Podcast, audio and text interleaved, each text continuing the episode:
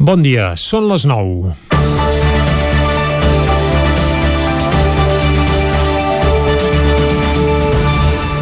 Avui és el dia de la famosa taula de diàleg. I sí, al final, amb el president Pedro Sánchez fent de capità de l'equip espanyol, però tela amb el colabrot viscut ahir a l'equip català. Sánchez segur que saludarà Aragonès i se li escaparà el riure per sota el nas, perquè, clar, jugant 6 contra 3, el resultat està cantat abans d'hora. Ja ho pronosticava fa anys Aznar. Abans es trencarà Catalunya que no pas arribarà a la independència. Deixant de banda el patètic sainet d'ahir, analitzem fredament el partit. El que demana l'equip català està clar, un referèndum d'autodeterminació i l'amnistia per tots els represaliats en el procés independentista.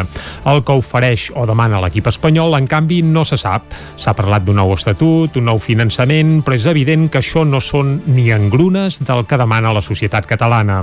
A la manifestació de la Diada el clam era ben clar independència. Ningú demanava taula de diàleg, mm, això ningú. El problema principal de la part catalana a la taula, però, és la seva feblesa, i més després d'ahir. Ni els socis de govern són capaços d'anar units a taula. I la feblesa catalana es tradueix en una falta de mecanismes efectius per pressionar Pedro Sánchez. L'única eina que té el govern de Pere Aragonès, i particularment Esquerra Republicana per intentar que la Moncloa cedeixi en alguna cosa, és l'aritmètica al Congrés espanyol. A curt termini, a la negociació del pressupost, uns comptes que Sánchez necessita per culminar la legislatura, però que evidentment no pagarà amb el preu d'un referèndum pactat a Catalunya. Sánchez, amb els indults, té clar que ja ha complert i que ha netejat la seva imatge a nivell europeu i un referèndum a l'escocesa és evident que no ha entrat ni entrarà mai a cap de les coordenades polítiques de l'estat espanyol. Amb aquest panorama, de què parlaran avui a la tarda? Què en sortirà de tot plegat? La fe no s'ha de perdre mai, però és evident que si ens ho mirem des de l'òptica de l'equip català, no pinta bé. L'única manera de pressionar de veritat l'equip espanyol i fer que acceptés negociar un referèndum seria precisament activar, aquesta vegada de veritat, la via unilateral via unilateral i conflicte. I no sembla pas que aquesta possibilitat estigui ara mateix sobre la taula. Però vaja, temps al temps. Comença Territori 17 a la sintonia del 9 FM, la veu de Sant Joan, Ràdio Cardedeu, Ona Codinenca i el 9 TV. Territori 17, amb Isaac Moreno i Jordi Sunyer. Són les 9 i gairebé 3 minuts d'avui dimecres, dia 15 de setembre de 2021. Comença ara mateix un nou Territori 17 que avui, com sempre, durant la primera hora us acostarà tota l'actualitat de les nostres comarques. Després, com sempre, també tindrem una entrevista. Avui és dimecres, per tant, tornarà al Territori Sostenible amb el Jordi Givert. Parlarem de literatura, lletra ferits. I per acabar al punt de les 12 del migdia farem un repàs a l'agenda cultural per a aquest proper cap de setmana. Una agenda marcada sobre sobretot pel Mercat de Música Viva de Vic, que precisament arrenca aquest dimecres amb uns concerts a l'Atlàntida de Vic. D'això en parlarem a la part final d'un programa que ara arrenca tot fent un repàs a l'actualitat de les comarques de casa nostra. Ja ho sabeu, les comarques del Ripollès, Osona, el Moianès i el Vallès Oriental.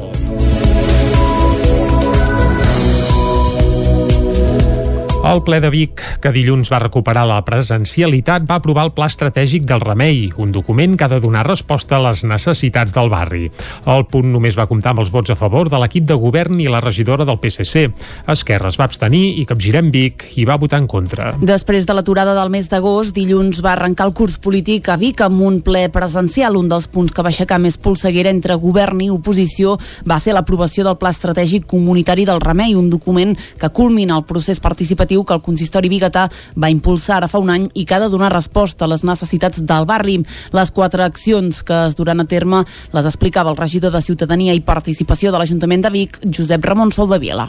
Les quatre accions són programar activitats extraescolars adreçades a la infància, als joves i les famílies del barri per tal d'afavorir la cohesió social i la generació d'oportunitats, cartografiar la, la situació de les comunitats de veïns, dels parcs d'habitatges, dels usos de la, i de la situació dels equipaments i espais públics, definir definició conjunta i posada en marxa de l'espai de referència per al barri en dinàmiques comunitàries i el quart, la millora i manteniment i dinamització dels espais públics del barri.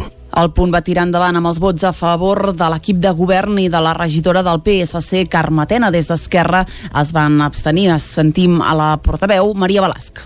Per nosaltres hi ha un problema clau, que és que en cap lloc, en cap lloc, es parla del pressupost necessari per fer aquestes accions, d'on surt, eh, d'on sortirà el pressupost. Hi ha una partida destinada quants diners hi, posarem per, per dur a terme aquestes actuacions. Els únics vots en contra van ser els de Capgirem Vic. Els anticapitalistes van denunciar la gestió política que el govern d'Anna R ha fet amb el pla estratègic. Susana Vives és regidora de Capgirem Vic. Només per posar un exemple, vostès han fet de menys a la demanda de la necessitat de la creació d'un casal de barri. Han prioritzat una remodelació del parc de l'Horta de la Sínia que hauria d'haver estat adequada al que les veïnes i els veïns demandaven i no el que a vostès els ha, els ha interessat més. El plenari també va aprovar la creació d'un aparcament públic a la Biblioteca Pilarín Vallès, un punt que només va comptar amb els vots a favor de l'equip de govern. Esquerra i el PSC es van abstenir i Capgirem Vic va votar en contra. La presidenta de la Diputació de Barcelona, Núria Marín, va visitar tres municipis d'Osona i al matí. Va passar per Centelles, les Masies de Voltregà i finalment va ser a Vic. El primer que va fer a l'Ajuntament de Vic va ser signar el llibre d'honor i tot seguit va ser rebuda per l'alcaldessa Anna R i el regidor de Vic i diputat a la Diputació Josep Arimany de Junts, amb qui Marín del PSC comparteix govern. També hi havia el diputat d'Esquerra, Jordi Fàbrega, i la regidora del PSC a Vic, Carme Tena. En el cas de Vic, els dos projectes en curs de més envergadura en què col·labora la Diputació són la nova biblioteca Pilarín Vallès i el Vic.0. Sentim a Núria Marín, presidenta de la Diputació, i també a l'alcaldessa de Vic, Anna R. Els problemes, eh, quan t'ho expliquen des de la distància, es veuen d'una manera, però quan ho fan des de la proximitat es veuen d'una altra. Per tant, aquesta proximitat, aquesta bueno, estesa de mans no? a tots els municipis, doncs també passa per aquesta gran ciutat com és Vic, i a la que evidentment doncs, tota la història no? que, que representa doncs, de, també la fa molt particular. Ells eh, ens ajuden, ens han ajudat i, i ara hem d'acabar de tancar amb el Vic.0 eh, amb tot el que pugui ser més aquest eh, foment del turisme i eh, el que acabarem de veure és eh, bueno, si hi ha possibilitat doncs, diguem alguna part extraordinària si ens pot, eh, podem arribar doncs, a algun altre acord però eh, encara és una cosa que es parla i senzillament el que vosaltres avui volíem reafirmar era aquest seu suport sobretot en la part de la biblioteca i en la part doncs, d'aquest doncs, foment del turisme que vam fer aquella aposta també del Vic.0. A Centelles, la visita de Marín va servir per parlar sobre el suport de la Diputació a projectes com la reforma del Palau dels Comtes i a les Masies de Voltregà, el cinquantenari de l'Escola Bressol de Can Ripa. Àlex Garcia denuncia a Sant Celoni l'agressió feixista patida el passat 11 de setembre, Diada Nacional.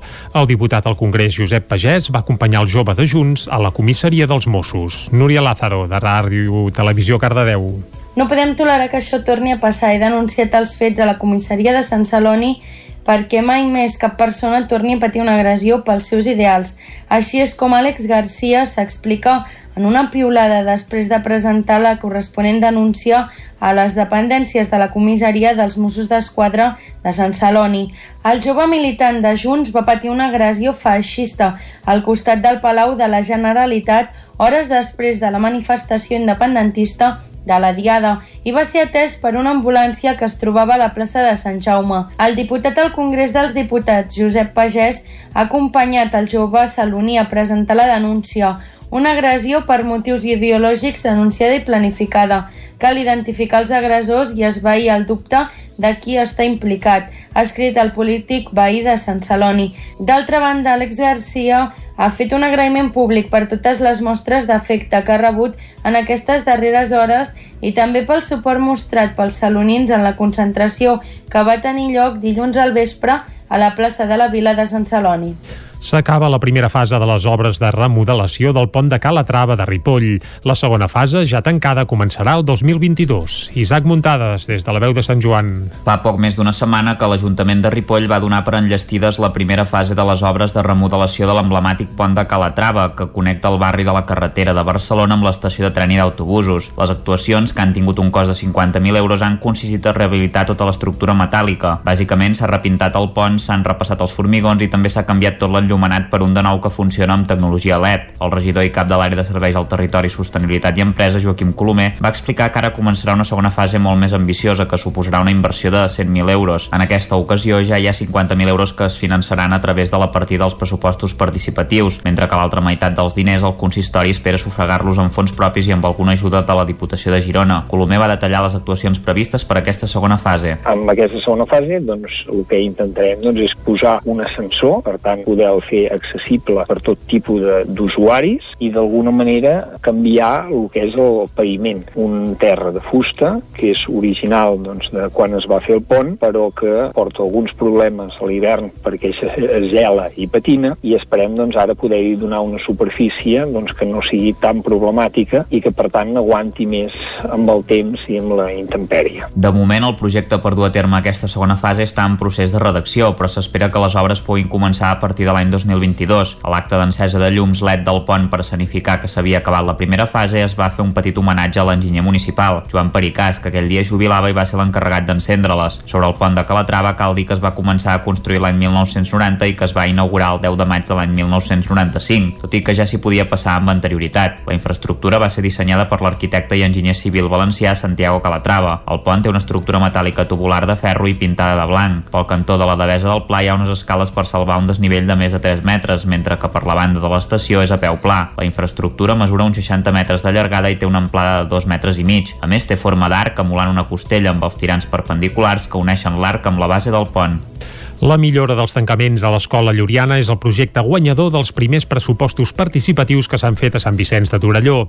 Els veïns van poder votar on es destinaven els 30.000 euros de la partida d'entre un total de gairebé 30 propostes. Els veïns i veïnes de Sant Vicenç de Torelló han decidit que els 30.000 euros del pressupost participatiu del 2021 es destini a la millora dels tancaments i finestres de l'escola Lluriana.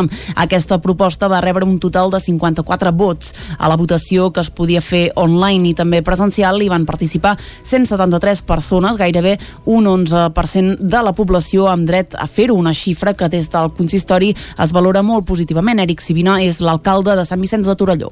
Doncs estem realment contents de com ha funcionat aquesta primera edició dels pressupostos participatius a Sant Vicenç. Eh, des de l'inici ja veia, veia, vam intuir que això aniria bé perquè es van presentar gairebé 30 propostes eh, d'inquietuds doncs, que tenien la gent del poble, per tant això ja t'indica que és un poble que es mou i que té ganes doncs, de, de dir la seva i ja ho hem pogut constatar en els resultats. Eh, hi ha hagut un total de 174 vots que representa gairebé un 11% del cens, per tant és una xifra bastant elevada, molt elevada podríem dir, respecte als pressupostos participatius que veiem que es fan a la resta de municipis de l'entorn o, de, o de, de Catalunya. El resultat dels pressupostos participatius de Sant Vicenç també ha deixat molt bon regust a l'escola Lluriana.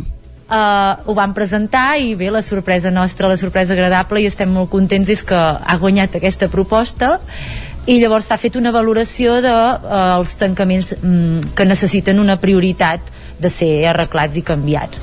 Com bé sabeu, l'escola és una escola super lluminosa perquè té moltíssims tancaments i evidentment amb 32 anys doncs això s'ha anat deteriorant. 30.000 euros no donen per canviar tots els tancaments de l'escola i és per això que en una primera fase es prioritzarà la façana que dona a la cara nord. Començarem ara una mica per la banda nord de la, del centre, que és potser la que també, et, um, en termes d'estalvi de, energètic, doncs és la que també convé més uh, fer una renovació i llavors doncs es, es anirà extenent si és possible a la resta de centre que també ens faria molta il·lusió. L'any 2022 hi haurà nous pressupostos participatius a Sant Vicenç. Des de l'Escola Lluriana ja avancen que s'hi tornaran a presentar amb l'objectiu de poder acabar de renovar tots els tancaments del centre. I seguim amb pressupostos participatius. Il·luminar el tram del camí del cementiri cap al santuari de Lourdes és la proposta que ha guanyat els pressupostos participatius, en aquest cas de Prats de Lluçanès. La segona edició dels pressupostos participatius de Prats ja té proposta guanyadora. És la d'il·luminar el camí que condueix des del cementiri fins al santuari de Lourdes, que fins ara no tenia llum artificial. Els pressupostos han comptat amb la participació de 355 persones, que equivalen al 15% del cens, i la proposta guanyadora es van portar 195 vots. Els 12.000 euros disponibles s'invertiran ara en col·locar al llarg dels 300 metres del camí una quinzena de fanals d'autoconsum amb plaques solars i acumuladors de bateria. El segon projecte amb més suport, 125 vots, va ser el d'instal·lar càmeres de seguretat per millorar el civisme. En tercer lloc hi va quedar ampliar el camí educatiu i la zona de lleure l'avinguda de Rafael Casanova. Des del consistori de Prats valoren molt positivament els resultats de la segona edició dels pressupostos, ja que la participació ha augmentat 3 punts respecte a la primera. Aquest estiu el poble de Granera ha passat més de 50 dies amb els pous de captació d'aigua secs i l'aigua hi ha arribat amb camions des d'altres pobles de la comarca. Ara les primeres pluges de setembre han permès recuperar els pous per una temporada. Caral Campàs, des d'Ona Codinenca. A Granera, un poble del Moianès amb poc més de 60 habitants, la sequera d'aquest estiu els ha passat factura. Habitualment prenen l'aigua corrent de dos pous de captació del municipi, però van quedar secs a principis de juliol per la manca de pluja al territori. Això va forçar el municipi a contractar un servei que els permetés transportar l'aigua per carretera des d'algun dels pobles veïns que tenia aigua per deixar-los, generant un gran sobrecost per les arques municipals d'aquest poble tan petit. Pere Janescà, alcalde de Granera, explica la situació. Bueno, la problemàtica és que aquí les captacions que tenim són, són aquífers, és un pou a cel obert i l'altre un pou entubat, que fins ara han anat, eh, han anat donant aigua, però aquest any hi ha hagut una sequera molt bèstia i, i pues s'han assecat. Pobles com Mollà, Castellterçol o Monistrol de Calders han cedit aigua a Granera durant una cinquantena de dies segons les necessitats que tenien cada un dels municipis, ja que la sequera també ha fet perillar el subministrament d'aigua a aquests municipis. L'alcalde feia una crida tant a la Generalitat com a la Diputació per tal que es creï un pla per gestionar situacions com aquesta de cara als propers anys. Això de cara a l'any que ve hem de mirar de, de, de gestionar-ho d'alguna altra manera, no? Vull dir, hem de trobar una solució perquè si és un any com aquest, doncs malament. Finalment, les pluges de principis de setembre i la davallada de població a l'acabar les vacances d'estiu ha permès al municipi recuperar els pous de captació d'aigua. Tot i això, encara estan pendents de que les pluges segueixin fent acte de presència durant les properes setmanes.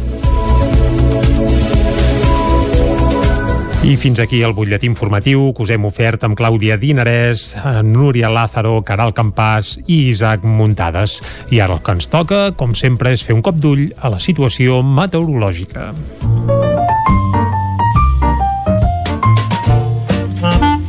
Casa Terradellos us ofereix el temps. I a Territori 17, qui ens parla del temps cada dia és en Pep Acosta, a qui ja saludem ara mateix. Bon dia, Pep. Molt bon dia, amics bon oients. Dia. Mm -hmm col·laboradors que feu possible aquest programa. Què tal esteu? Com va la setmana? Anar fent, anar fent. Anem avançant. Uh mhm. -huh. Avui ja som dimecres. Correcte. I ja també som 15 de setembre. Ja veieu, tenim aquí mateix la tardor. La tardor, uh, per mi, va començar el de setembre la tardor, per mi, eh? Però bueno, uh, oficialment començarà d'aquí a pocs dies. I també fa pocs segons que ha començat l'espai de, del temps del territori 17 i avui ens llevem amb, amb vents del sud encara. Tenim aquesta massa de vents del sud que fa que la temperatura no baixi, eh, siguin les nits encara una mica càlides, no, no hi ha manera que baixi la temperatura mínima, moltes temperatures entre els 15 i els 20 graus, inclús algun, alguna població del peritoral per sobre d'aquests 20 graus. Hi ha bastanta nubositat, núvols baixos, eh, molta mala visibilitat, ha aquesta mica de pols sahariana en suspensió, i és que això és el que aporta aquests vents del sud.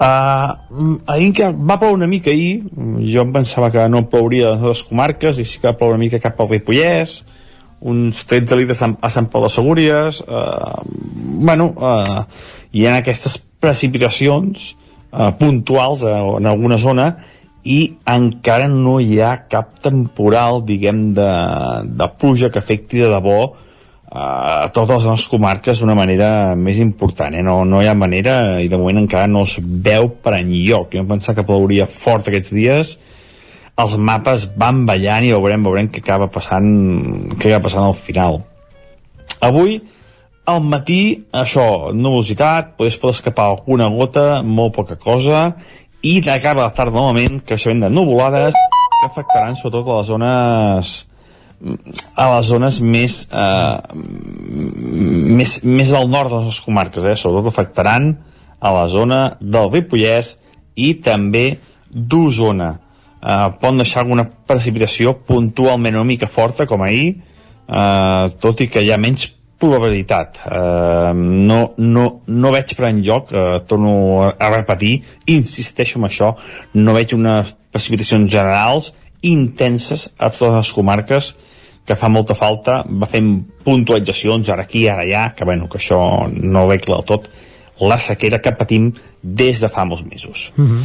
I les temperatures màximes molt semblants dels d'ahir, la majoria de valors entre els 20 i els 25 graus, algun una mica més, una mica de calor encara, aquests vents de sud, que són els protagonistes d'aquests dies perquè la temperatura no baixi.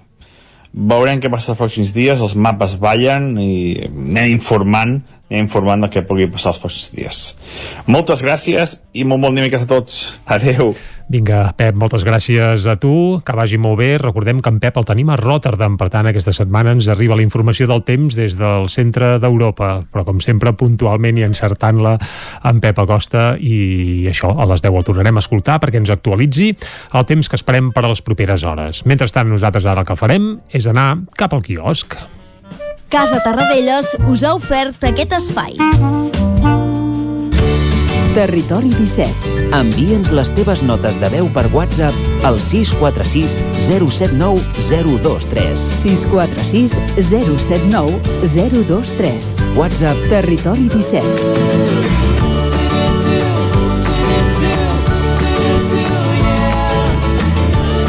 Territori 17. Som a Facebook, Twitter i Instagram amb l'usuari Territori 17.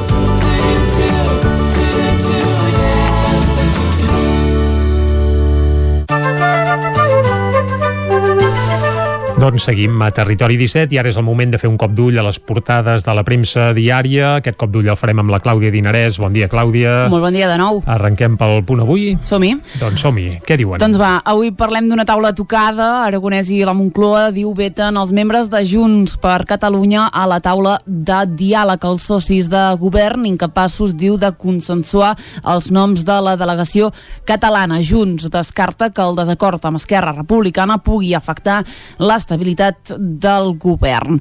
Uh, més informacions. 13 CDRs processats per terrorisme i avui males notícies pels culers. Monòleg alemany diu al Camp Nou el Barça torna a topar contra un Bayern superior i cau golejat en la Champions. Bé, només n'hi van fer 3 ahir, eh? Comparat Només. amb els 8 de fa un parell de temporades, bé, Ai. què hi farem? Qui no es consola és perquè no vol. Seguim, Clàudia. Seguim al diari Ara que diu crisi al govern per la taula de diàleg. Aragonès deixa Junts fora de la delegació catalana mentre no proposi consellers com a membres. El partit de Carles Puigdemont manté els noms de Sánchez, Turull i Nogueres a les portes de la reunió. A la imatge d'un any de realitat pel Barça i el govern espanyol aprova un pla de xoc per reduir la factura de la llum un 22%. Anem avançant, anem al periòdico que diu la taula de diàleg fixarà mètode de treball i calendari. Per Aragonès aguanta un altre pols a Junts per Catalunya que pretenia apartar els seus consellers de la delegació. Sánchez hi acudeix disposat a abordar l'agenda del retrobament. A la imatge alerta, eh, amb el titular ridícul del Barça en el seu debut. El Bayern de Múnich es passeja pel Camp Nou i confirma les carències de l'equip de Koeman en una estrena europea decebedora. I aquí doncs, ja veiem aquest resultat, eh?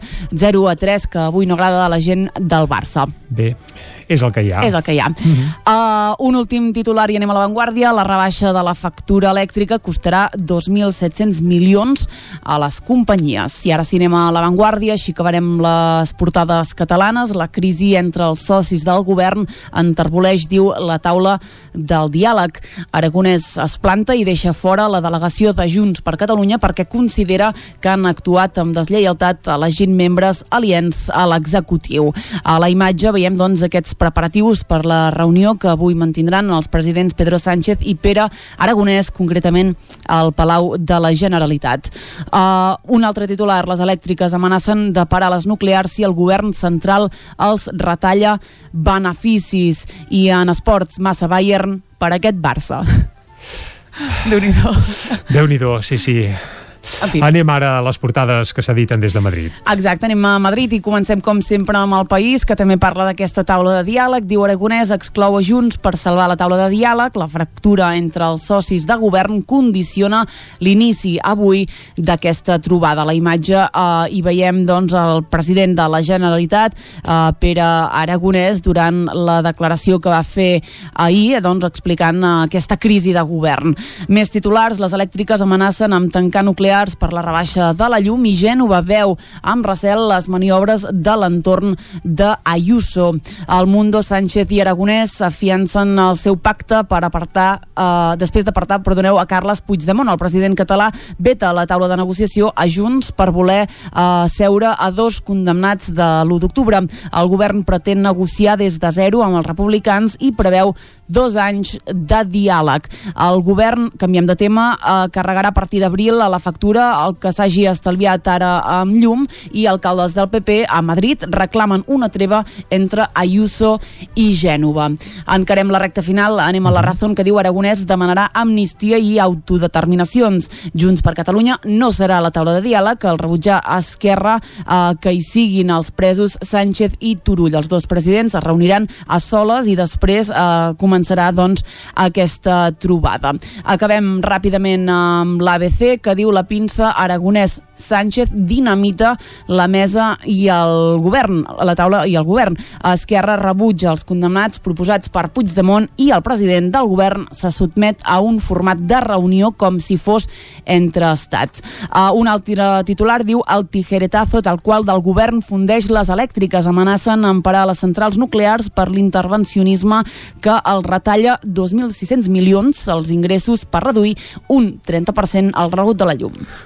Doncs, eh, evidentment, taula de diàleg i aquest encariment del preu de la llum eh, que centren les portades de la premsa d'avui. Eh, Clàudia, moltes gràcies. Fins ara. Eh, nosaltres seguim aquí a Territori 17 i el que farem ara, com fem sempre, és una breu pausa de res, 3 minutets i tornarem a dos quarts de 10 en punt acostant-vos de nou tota l'actualitat de les nostres comarques, les comarques del Ripollès, Osona, el Moianès i el Vallès Oriental. Fins d'aquí 3 minuts. Fins ara.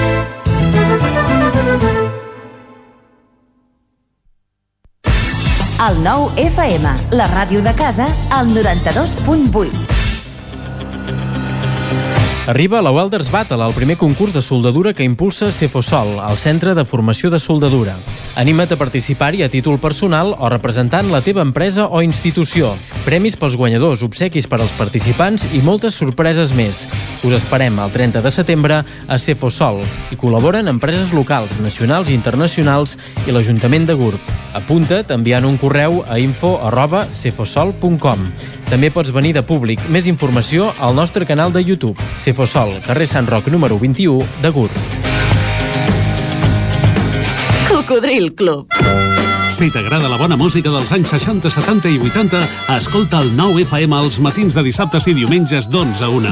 És el temps del Cocodril Club, tot un clàssic de la ràdio, amb les bases del pop-rock, les llegendes, les cançons que s'han convertit en autèntics himnes. Recorda, dissabtes i diumenges al matí, d'11 a 1, al 9 FM 92.8. Cocodril Club, el programa revival de l'Albert Malla. OBS, la marca de moda líder a Itàlia, arriba a Vic amb la col·lecció per nens fins a 15 anys. Vesteix els petits amb roba OBS, peces fabricades amb cotó orgànic pensades especialment per la pell dels infants. El cotó orgànic d'OBS està cultivat sense pesticides i amb un impacte reduït en el medi ambient. OBS, des d'Itàlia per tu, al carrer Argenters 20 de Vic. El nou Moianès. A partir del 20 de setembre, cada tercer dilluns de mes, amb el 9-9, un suplement especial, farcit de personatges, curiositats i històries singulars. El nou Moianès. La informació de la comarca al teu servei. Mudances a la carta. Som especialistes en muntatge i desmuntatge de mobles. Oferim servei de guardamobles i fem mudances a tot el territori. Trasllats de pianos i peces delicades i també fem embalatge i protegim.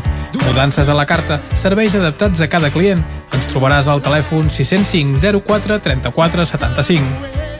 Això és el que s'escolta al voltant d'una caldera saunia d'Oval. Tranquilitat i benestar, perquè gaudeix del millor manteniment del servei tècnic oficial per estar despreocupat.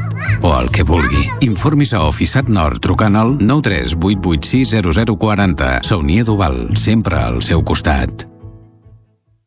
Rètols 2A. Experts en comunicació visual. Rètols, banderoles, vinils, impressió, plaques gravades, senyalització, displays... Rètols Dos Art. Ja són 25 anys al vostre servei. Ens trobareu a la carretera de Vic a Olot, número 7, al polígon Malloles de Vic. dosartvic.com Telèfon 93 889 25 88. El nou FM, el nou FM, el nou FM, el nou FM.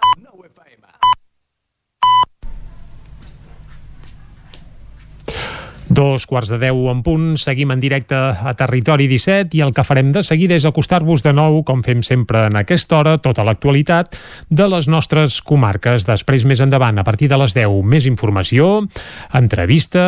Avui també anirem al Territori Sostenible amb en Jordi Givert, que ens cantarà les bondats d'una formatgeria de Santa Maria d'Oló, una secció que ja teníem en la temporada passada i que aquest any recuperem. Coneixerem indrets de quilòmetre zero, amb productes de qualitat, sempre de la mà mà del Jordi Givert i avui, com que és dimecres, doncs acabarem el programa fent un repàs a l'agenda cultural del cap de setmana, una agenda evidentment marcada pel Mercat de Música Viva de Vic, el primer concert dels quals doncs, es fa avui a les 11 del matí. El Jordi Vila Rodà li tenim enviat, desplaçat allà i abans d'acabar el programa el trucarem quan fem l'agenda cultural perquè ens faci balanç d'aquest primer concert i ens avanci també tot el que podrem eh, gaudir durant tot el cap de setmana a Vic, perquè recordem que la gran majoria de concerts són oberts als, al públic i a més són presencials, no són enllaunats, sinó que s'hi pot anar eh, tal com toca o tal com tocaria, el que passa que amb aquests dos últims anys que hem viscut arran de la pandèmia, la veritat és que això, assistir a concerts presencials i de manera, entre cometes, també convencional, gairebé se'ns fa estrany. Però torna al Mercat de Música Viva de Vic, n'hem parlat ja aquesta setmana, en seguirem parlant, i avui això arrenca. Per cert, el concert inaugural es farà també avui a les 7 de la tarda i es podrà seguir en directe per al nou TV. Ara, però, el que toca és acostar-vos de nou l'actualitat de les nostres comarques. Ja ho sabeu, les comarques del Ripollès, Osona, el Moianès i el Vallès Oriental.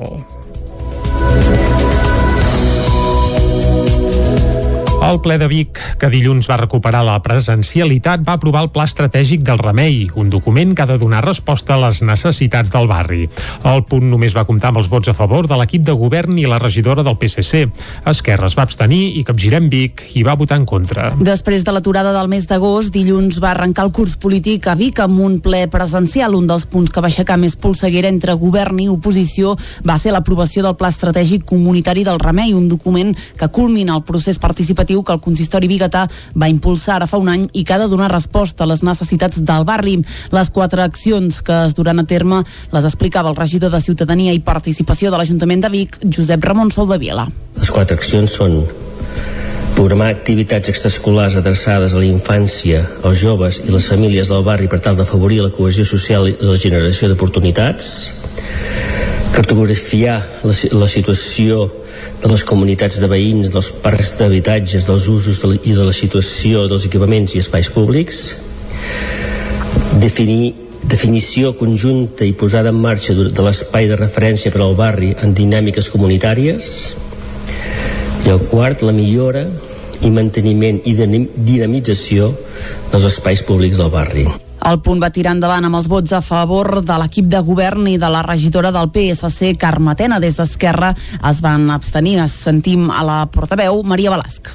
Per nosaltres hi ha un problema clau, que és que en cap lloc, en cap lloc, es parla del pressupost necessari per fer aquestes accions d'on surt, eh, d'on sortirà el pressupost.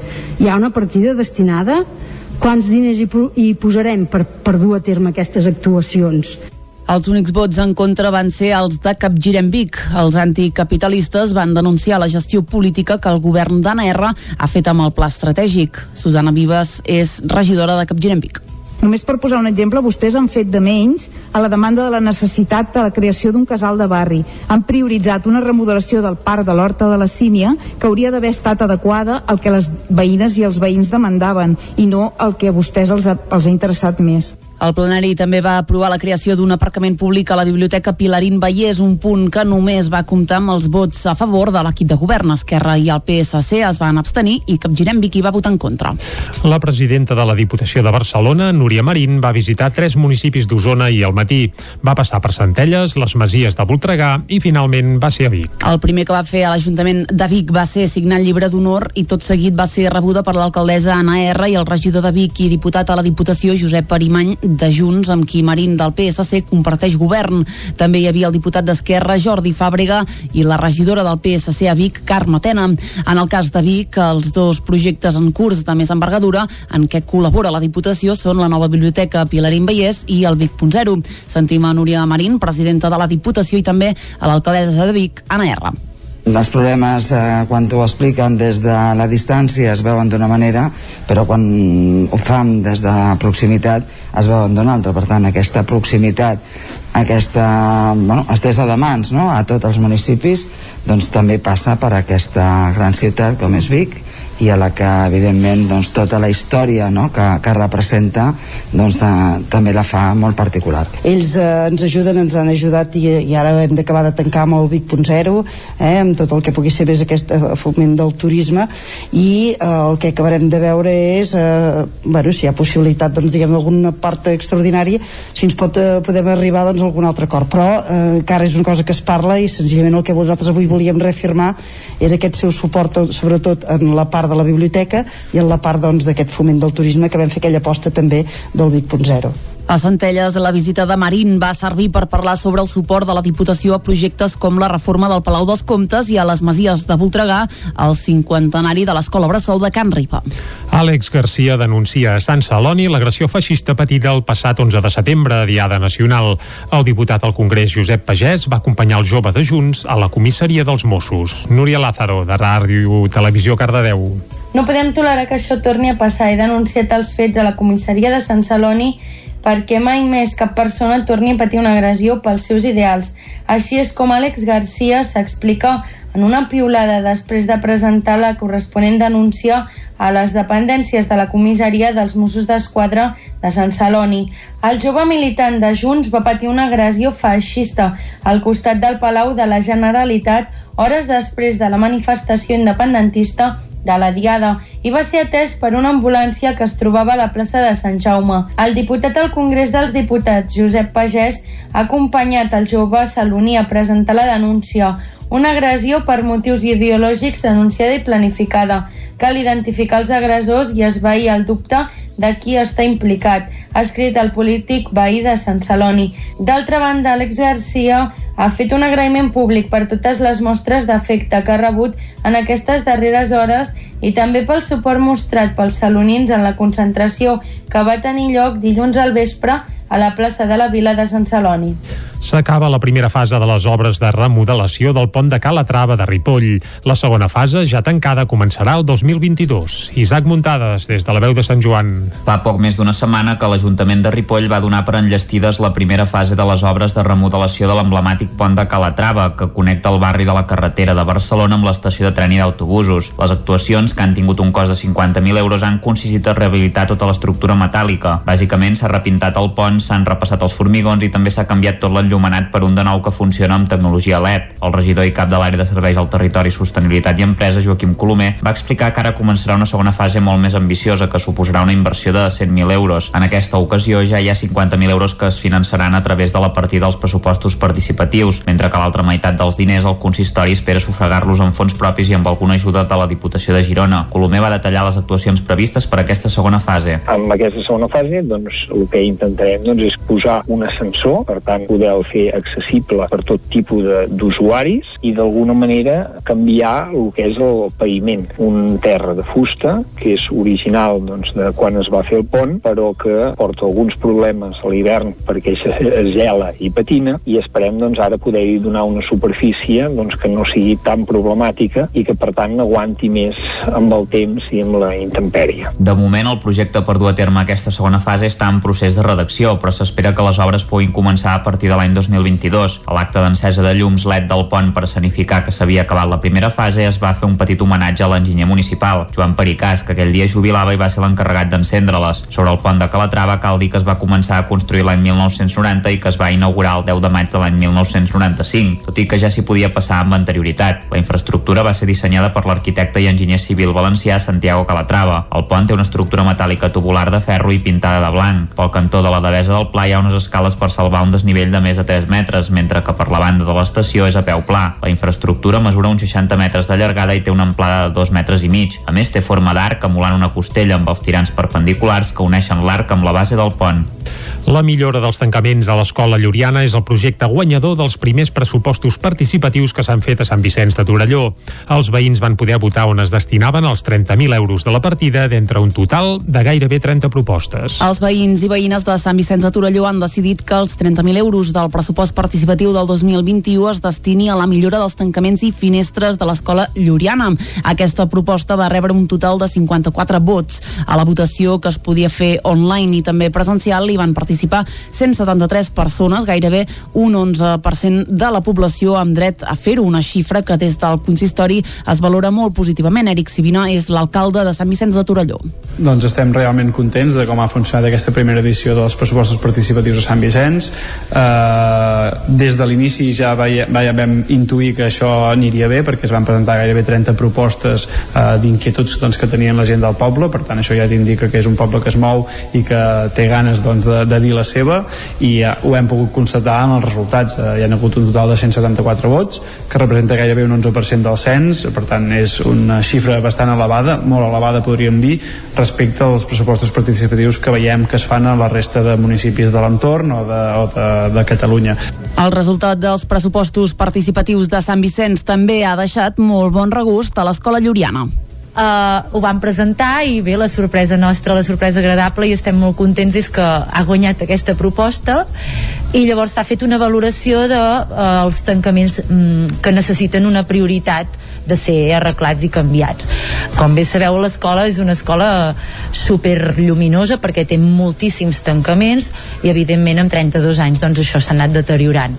30.000 euros no donen per canviar tots els tancaments de l'escola i és per això que en una primera fase es prioritzarà la façana que dona a la cara nord. Començarem ara una mica per la banda nord de la, del centre, que és potser la que també, et, um, en termes d'estalvi de, energètic, doncs és la que també convé més uh, fer una renovació i llavors doncs es, es anirà extenent si és possible a la resta de centre que també ens faria molta il·lusió. L'any 2022 hi haurà nous pressupostos participatius a Sant Vicenç. Des de l'Escola Lluriana ja avancen que s'hi tornaran a presentar amb l'objectiu de poder acabar de renovar tots els tancaments del centre. I seguim amb pressupostos participatius. Il·luminar el tram del camí del cementiri cap al santuari de Lourdes és la proposta que ha guanyat els pressupostos participatius, en aquest cas, de Prats de Lluçanès. La segona edició dels pressupostos participatius de Prats ja té proposta guanyadora. És la d'il·luminar el camí que condueix des del cementiri fins al santuari de Lourdes, que fins ara no tenia llum artificial. Els pressupostos han comptat amb la participació de 355 persones, que equivalen al 15% del cens, i la proposta guanyadora es van portar 195 vots. Els 12.000 euros disponibles s'invertiran ara en col·locar al llarg dels 300 metres del camí una quinzena de fanals d'autoconsum en plaques solars i acumuladors de bateria. El segon projecte amb més suport, 125 vots, va ser el d'instal·lar càmeres de seguretat per millorar el civisme. En tercer lloc hi va quedar ampliar el camí educatiu i la zona de lleure a l'avinguda de Rafael Casanova. Des del consistori de Prats valoren molt positivament els resultats de la segona edició dels pressupostos, ja que la participació ha augmentat 3 punts respecte a la primera. Aquest estiu el poble de Granera ha passat més de 50 dies amb els pous de captació d'aigua secs i l'aigua hi ha arribat amb camions des d'altres pobles de la comarca. Ara les primeres pluges de setembre han permès recuperar els pous per una temporada. Caral Campàs, des d'Ona Codinenca. A Granera, un poble del Moianès amb poc més de 60 habitants, la sequera d'aquest estiu els ha passat factura. Habitualment prenen l'aigua corrent de dos pous de captació del municipi, però van quedar secs a principis de juliol per la manca de pluja al territori. Això va forçar el municipi a contractar un servei que els permetés transportar l'aigua per carretera des d'algun dels pobles veïns que tenia aigua per deixar-los, generant un gran sobrecost per les arques municipals d'aquest poble tan petit. Pere Janescà, alcalde de Granera, explica la situació. Bueno, la problemàtica és de que aquí les captacions que tenim són, són aquífers, és un pou a cel obert i l'altre un pou entubat, que fins ara han anat, eh, han anat donant aigua, però aquest any hi ha hagut una sequera molt bèstia i, i pues s'han assecat. Pobles com Mollà, Castellterçol o Monistrol de Calders han cedit aigua a Granera durant una cinquantena de dies segons les necessitats que tenien cada un dels municipis, ja que la sequera també ha fet perillar el subministrament d'aigua a aquests municipis. L'alcalde feia una crida tant a la Generalitat com a la Diputació per tal que es creï un pla per gestionar situacions com aquesta de cara als propers anys. Això de cara a l'any que ve hem de mirar de, de, de gestionar-ho d'alguna altra manera, no? Vull dir, hem de trobar una solució perquè si és un any com aquest, doncs malament. Finalment, les pluges de principis de setembre i la davallada de població a l'acabar les vacances d'estiu ha permès al municipi recuperar els pous de captació d'aigua. Tot i això, encara estan pendents de que les pluges segueixin fent acte de presència durant les properes setmanes. I fins aquí el butlletí informatiu que us hem ofert amb Clàudia Dinarès, Núria Lázaro, Caral Campàs i Isaac Muntades. I ara el que ens toca, com sempre, és fer un cop d'ull a la situació meteorològica.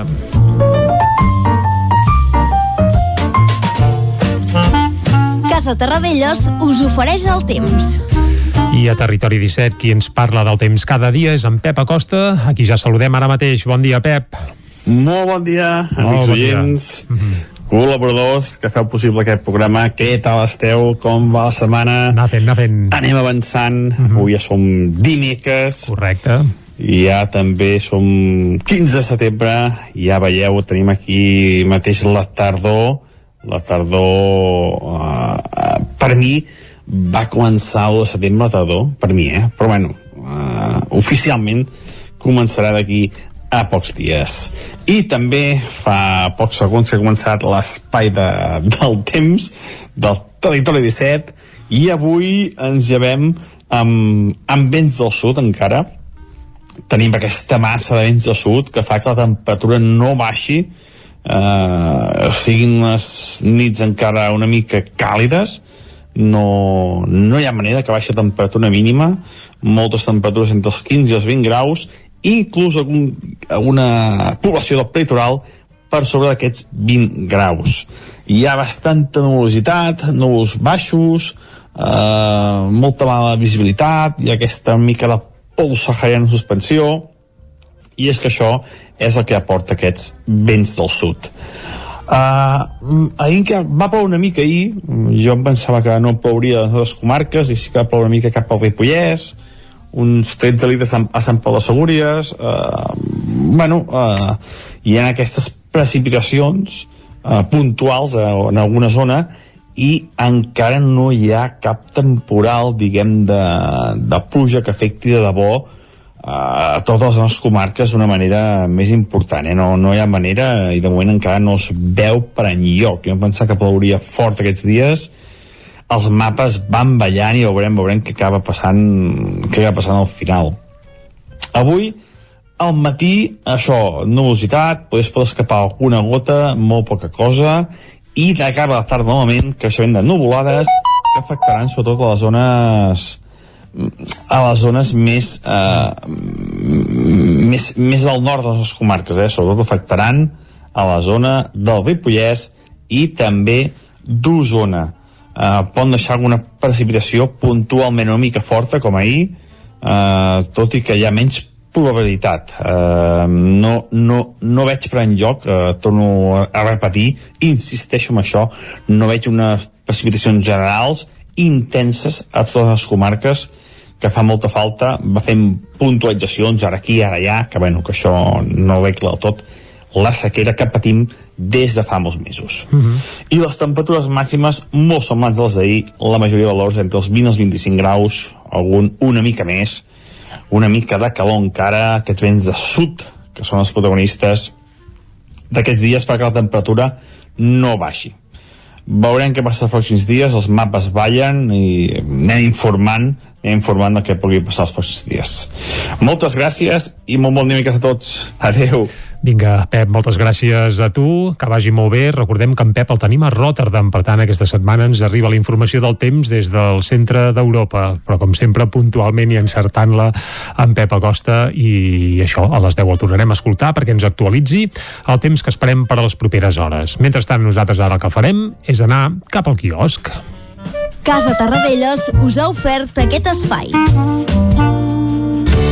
Territori 17. Envia'ns les teves notes de veu per WhatsApp al 646 079 023. 646 079 023. WhatsApp Territori 17.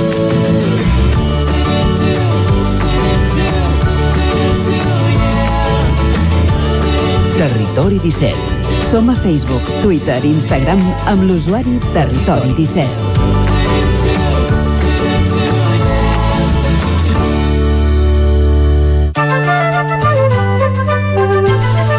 Doncs seguim a Territori 17 i ara és el moment de fer un cop d'ull a les portades de la premsa diària. Aquest cop d'ull el farem amb la Clàudia Dinarès. Bon dia, Clàudia. Molt bon dia de nou. Arrenquem pel punt avui. Som-hi. Doncs som-hi. Què diuen? Doncs va, avui parlem d'una taula tocada. Aragonès i la Moncloa diu veten els membres de Junts per Catalunya a la taula de diàleg. Els socis de govern incapaços, diu, de consensuar els noms de la delegació catalana. Junts descarta que el desacord amb Esquerra Republicana pugui afectar l'estabilitat del govern.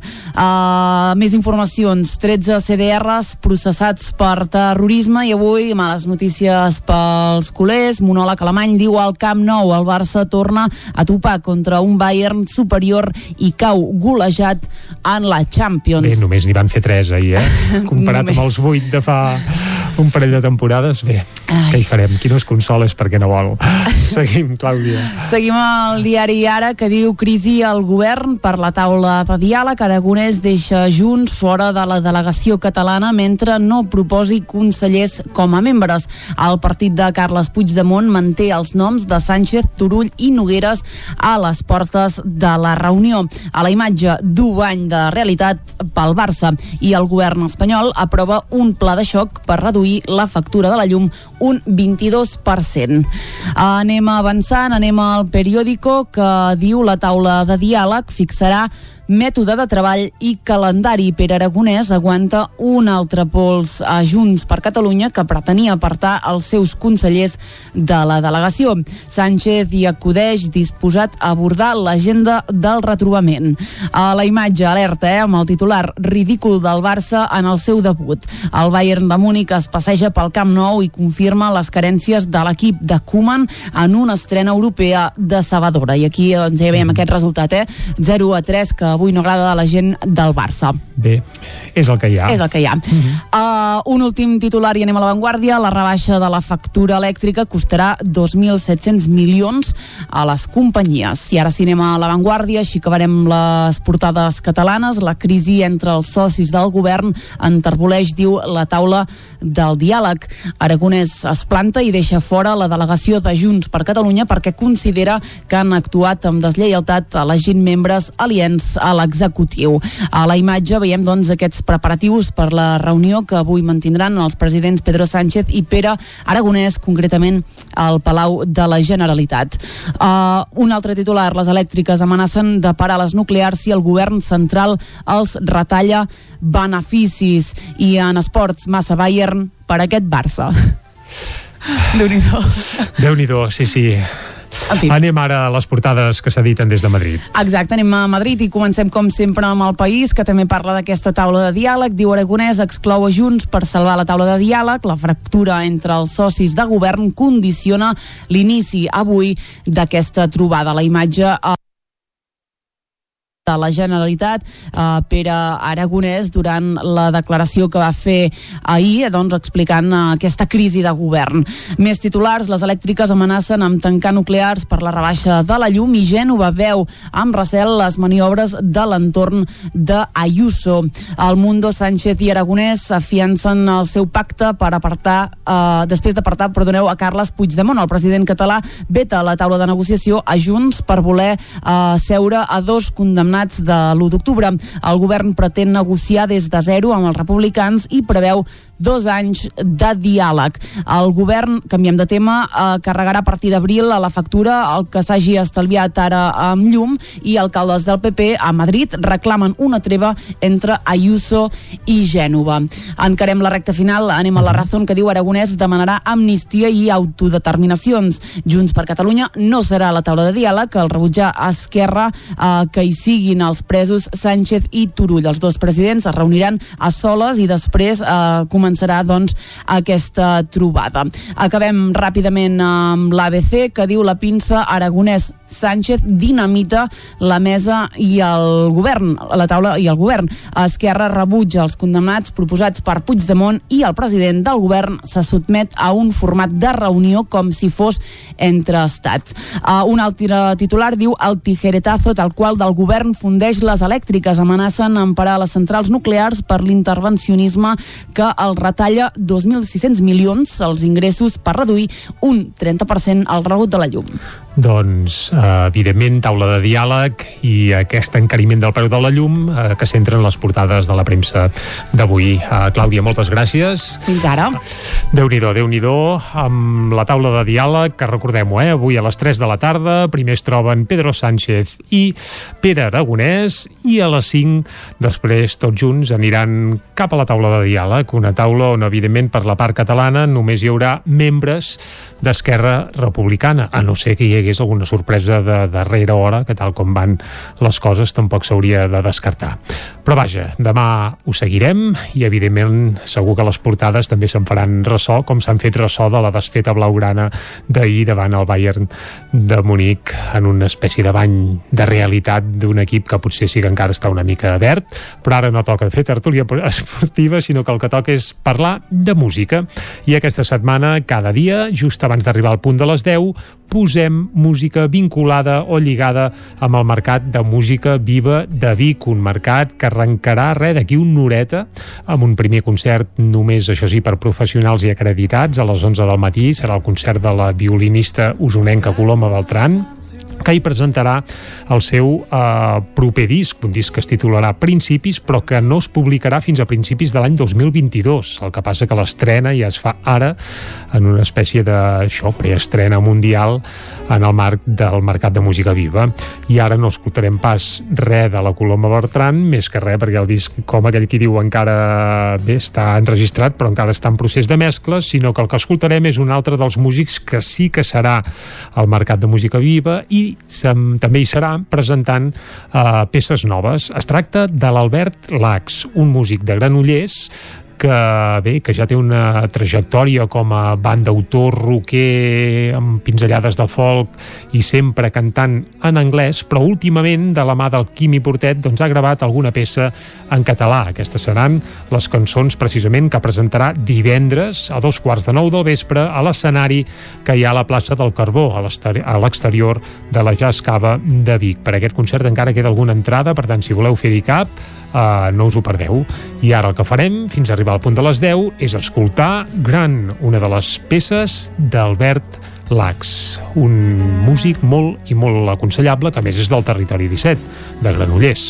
Amb l'Albert Lax, que divendres serà al Mercat de Música Viva de Vic, recordem-ho, eh? a dos quarts de nou del vespre, a l'exterior de la Jascava, arribarem fins a les 10 del matí aquí a Territori 17. Us deixem amb música. Fins ara. my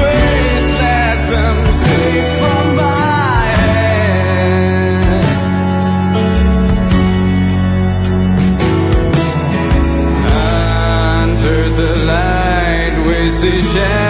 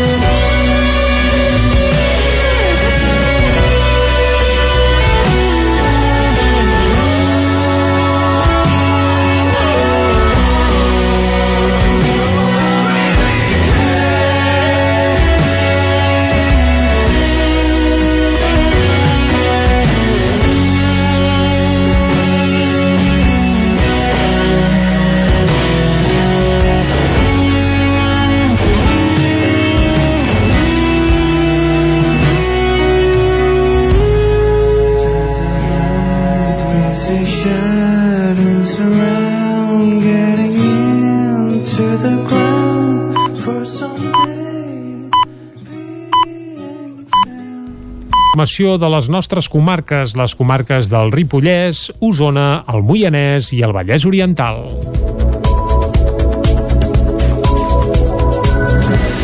El magistrat de l'Audiència Nacional Manuel García Castellón envia a judici per terrorisme les 13 persones detingudes en l'operació Judes. Processa per pertinença a organització terrorista, per tant, a l'usonenc Xevi Boigues, que va ser detingut la matinada del 23 de setembre de 2019 a casa seva, on vivia a Sant Pere de Torelló. A nou dels 13 encausats també els asseu al banc dels acusats per presumptes delictes de tinença, dipòsit i fabricació de substàncies o parells explosiu. El mateix jutge jutge afirma que la creació d'aquesta cèl·lula respon a la necessitat de comptar dins de l'estructura del CDR amb un grup clandestí d'individus de la mateixa confiança totalment lliurats a la causa. A aquestes persones, segons el magistrat, se'ls haurien carregat la realització de les accions més sensibles. Com a exemple, citava els talls de carretera, el vessament d'oli a la C55 per on havia de passar la comitiva que traslladava els presos independentistes des de Lledoners o l'aixecament de barreres dels peatges. També assegura que van participar en la creació creació i desenvolupament d'un centre de coordinació per aportar logística amb l'objectiu d'ocupar el Parlament de Catalunya i defensar-lo. Boigas va passar tres mesos en presó preventiva a Soto del Real entre el setembre i el desembre del 2019. A Osona es van convocar moltes protestes reclamant la seva llibertat. En una entrevista l'estiu passat al 9-9, Boigas remarcava que no concebia cap tipus d'activisme que utilitzi la violència. La Fiscalia demana 4 i 2 anys per a dos joves ballesans encausats per les protestes contra la sentència del procés. Tots dos van assistir a un acte a Caldes de Montbui la vigília d'aquesta diada. Caral Campàs, des d'Ona Codinenca.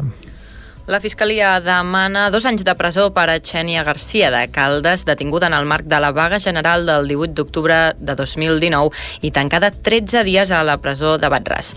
Fins aquesta setmana no comptaven amb l'escrit d'acusació de la Fiscalia, que l'acusa només de desordres públics. Per tant, els altres delictes que s'hi l'imputaven, atemptat a l'autoritat i danys, han caigut. Sentim el que deia Xènia Garcia divendres, vigília de la Diada, en què va parlar per primera vegada en públic.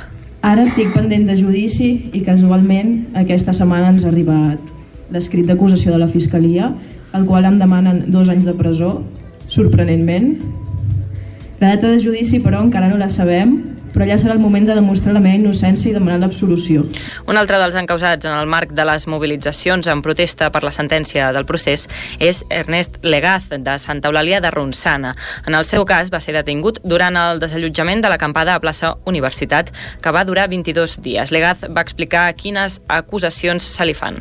Però fa dos mesos a casa ens va arribar una carta on ens deien que, que bueno, bàsicament havia està acusat d'atemptat contra l'autoritat i desordres públic, no, i atemptat contra l'autoritat i lesions al policia. Que, bueno, en total són 4 anys de presó i 3.500 euros. El judici, que inicialment havia de ser el 5 d'octubre, es posposa fins al dia 28 del mateix mes. Tots dos van parlar durant l'acte del grup d'entitats independentistes de Caldes de Montbui, on van participar unes 50 persones. Les obres de construcció del nou edifici dels laboratoris del Consorci Hospitalari de Vic ja han començat. El nou espai tindrà dues plantes on s'hi ubicaran els equipaments del Laboratori Clínic i d'Anatomia Patològica, així com un apartat destinat a la docència. Els actuals laboratoris del Consorci Hospitalari de Vic estan situats a la planta baixa de l'edifici, un espai que sempre s'ha projectat pensant en fer créixer l'oferta ambulatòria del centre.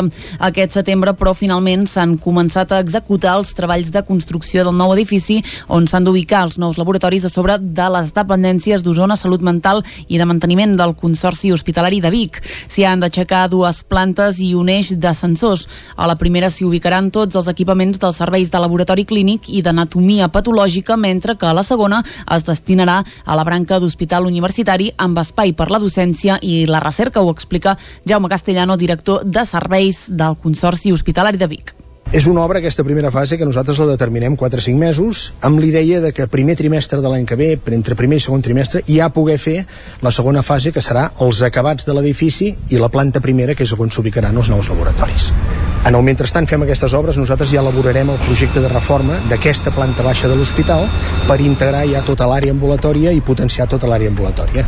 A fi efecte de què? De que, si Déu vol, el 23, no solament fer la segona planta d'aquí, sinó també ja poder abordar si el finançament ens ho permet, la reforma de la planta zero de l'hospital amb tota aquesta àrea ambulatòria. La segona fase dels treballs hauran d'acabar a finals del 2022 per traslladar-hi els laboratoris a principis del 2023. Això ha d'ajudar a optimitzar els espais amb l'objectiu de donar un servei més eficient a tota la comarca d'Osona. Víctor Ferrer és el cap de servei del laboratori.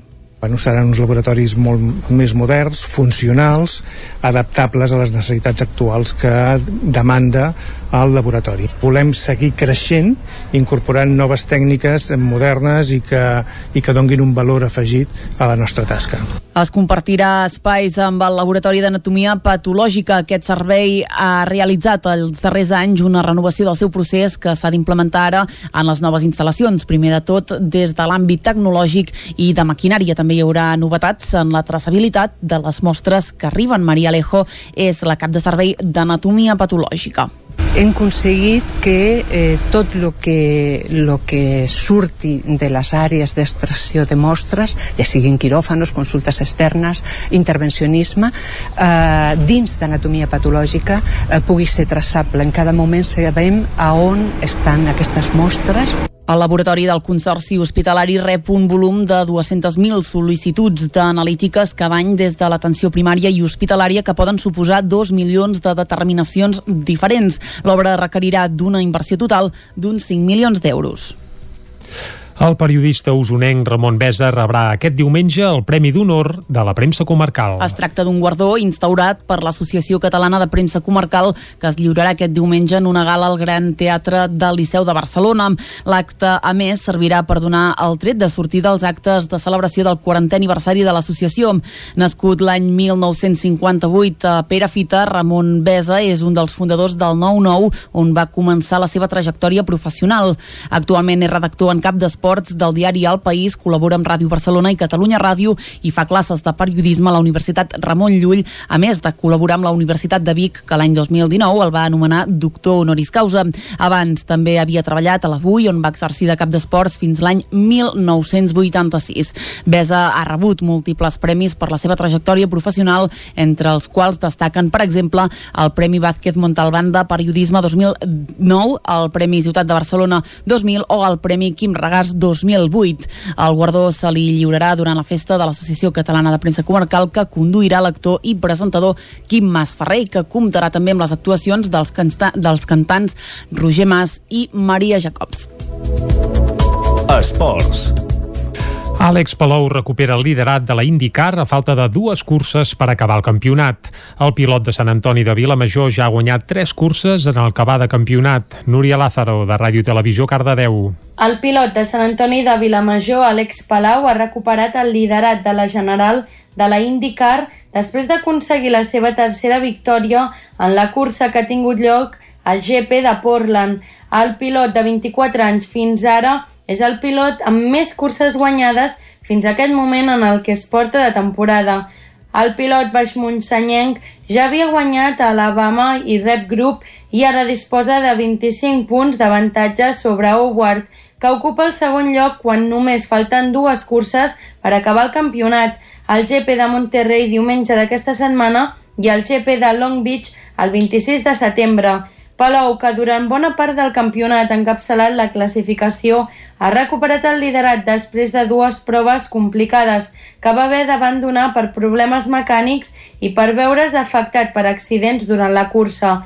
El de Sant Antoni de Vilamajor va sortir des de la pole, però va tenir problemes al primer revolt, però tant ell com el seu equip, el Chip Ganassi Racing, van fer un molt bon treball tàctic per recuperar la primera plaça i acabar guanyant la cursa per davant d'Alexander Rossi i Scott Dixon.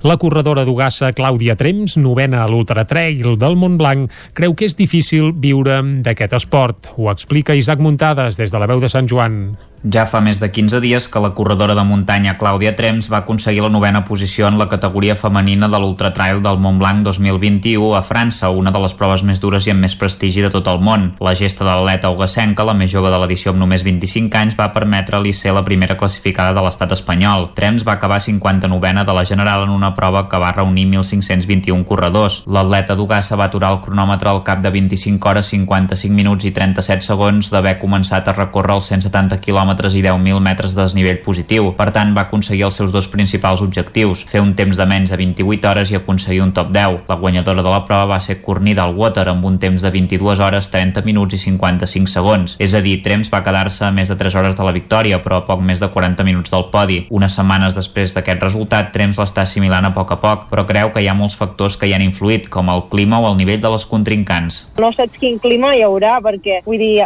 són coses molt variables. Jo, to, a tots els cols de sobre 2.200 metres, em trobava molta boira. Vull dir, llocs que jo entrenant havia pogut passar corrent, vaig haver de passar caminant per, per la dificultat de la visió, no? perquè m'afrontava la boira, o sigui, no, no es podia percebre on acabava un roc i on començava l'altre. És el que et dic, eh, pots torçar el turmell i voler acabar sí o sí, o que se't tanqui l'estómac i que et faci anar més a poc a poc, no? I també pots tenir un super bon dia i, i poder rebaixar el temps. Vull dir, tot depèn de, del nivell que hi hagi cada any. Vull dir, hi ha anys que amb el temps que jo he fet s'ha fet top 5 i hi ha anys que amb el temps que jo he fet s'ha fet top 12. A l'UMTV, Trems va deixar de ser una desconeguda i es va trobar molta gent que l'animava. Tot i haver sortit d'aquest anonimat entre cometes, la corredora del Ripollès creu que és difícil viure bé només de les curses i va assegurar que només ho poden fer persones que tenen un nivell molt alt i que han guanyat l'UMTV o desgraciadament influencers que estan per sota del seu nivell competitiu. La primera classificada de la prova es va embutxacar 2.000 euros, mentre que ell en va guanyar 500. De fet, creu que són les primes dels sponsors el que marca la diferència econòmica, ja que poden ser fins a 20 vegades superiors als premis en metàl·lic. Trems va comentar que la inscripció va costar-li prop de 300 euros i que només per pujar fins allà es va gastar 300 euros més en benzina i peatges. La corredora ugacenca ja dona per tancada la temporada i només farà alguna cursa popular. Tenia previst fer l'Ultra del Pirineu, però ja portava moltes hores de competició i havia de rebaixar aquesta càrrega per evitar entrar en una espiral de sobreesforç i de possibles lesions. Trems també preveu acabar la carrera d'arquitectura al gener i després es prendrà sis mesos sabàtics per córrer abans de cursar un màster i decidir si pot trobar un sponsor per seguir competint com a moda de vida o ha de compaginar amb la feina. I fins aquí el butlletí informatiu de les 10 del matí que us hem ofert amb Clàudia Dinarès, Núria Lázaro, Caral Campàs i Isaac Muntades. Ara el que toca és fer de nou una ullada al temps.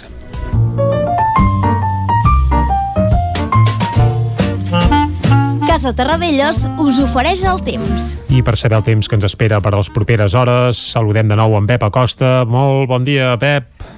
Molt bon dia, Bon dia, bon dia. oients, I tant, gràcies, gràcies. col·laboradors que feu possible aquest programa. Què tal esteu? Com Eh. va la setmana? Anar fent, anar fent. Anem avançant. Avui ja som dimecres i ja també som 15 de setembre ja veieu, tenim aquí mateix la tardor la tardor uh, per mi va començar el 1 de setembre la tardor, per mi, eh? però bueno uh, oficialment començarà d'aquí a pocs dies. El 22 de I setembre també aquest any, fa 22. pocs segons que ha començat l'espai de, del temps del territori 17 i avui ens llevem amb, amb vents del sud encara tenim aquesta massa de vents del sud que fa que la temperatura no baixi eh, siguin les nits encara una mica càlides no, no hi ha manera que baixi la temperatura mínima moltes temperatures entre els 15 i els 20 graus inclús algun, alguna població del peritoral per sobre d'aquests 20 graus.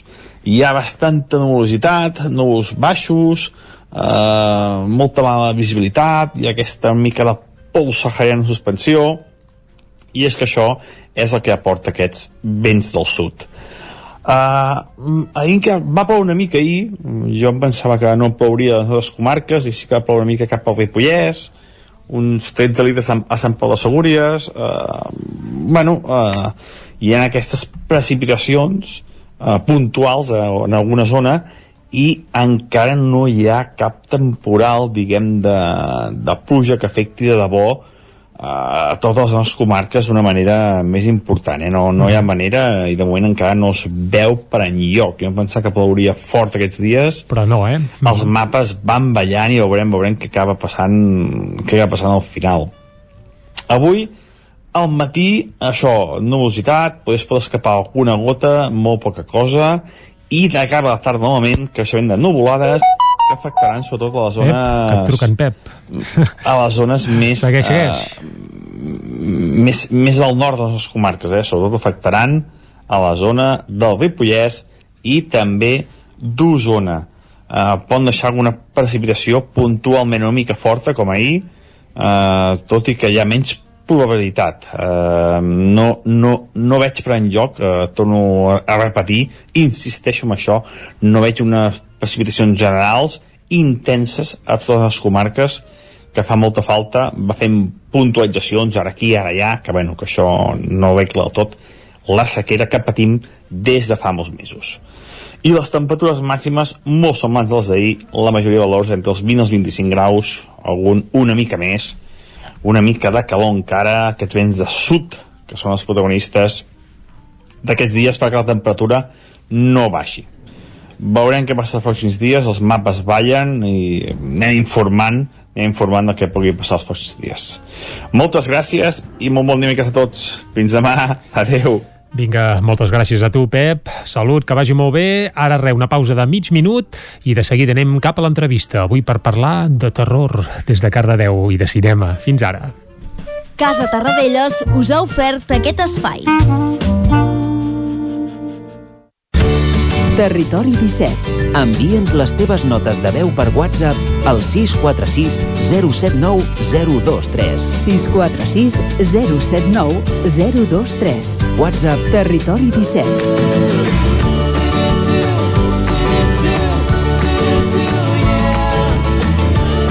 Territori 17. Som a Facebook, Twitter i Instagram amb l'usuari Territori 17.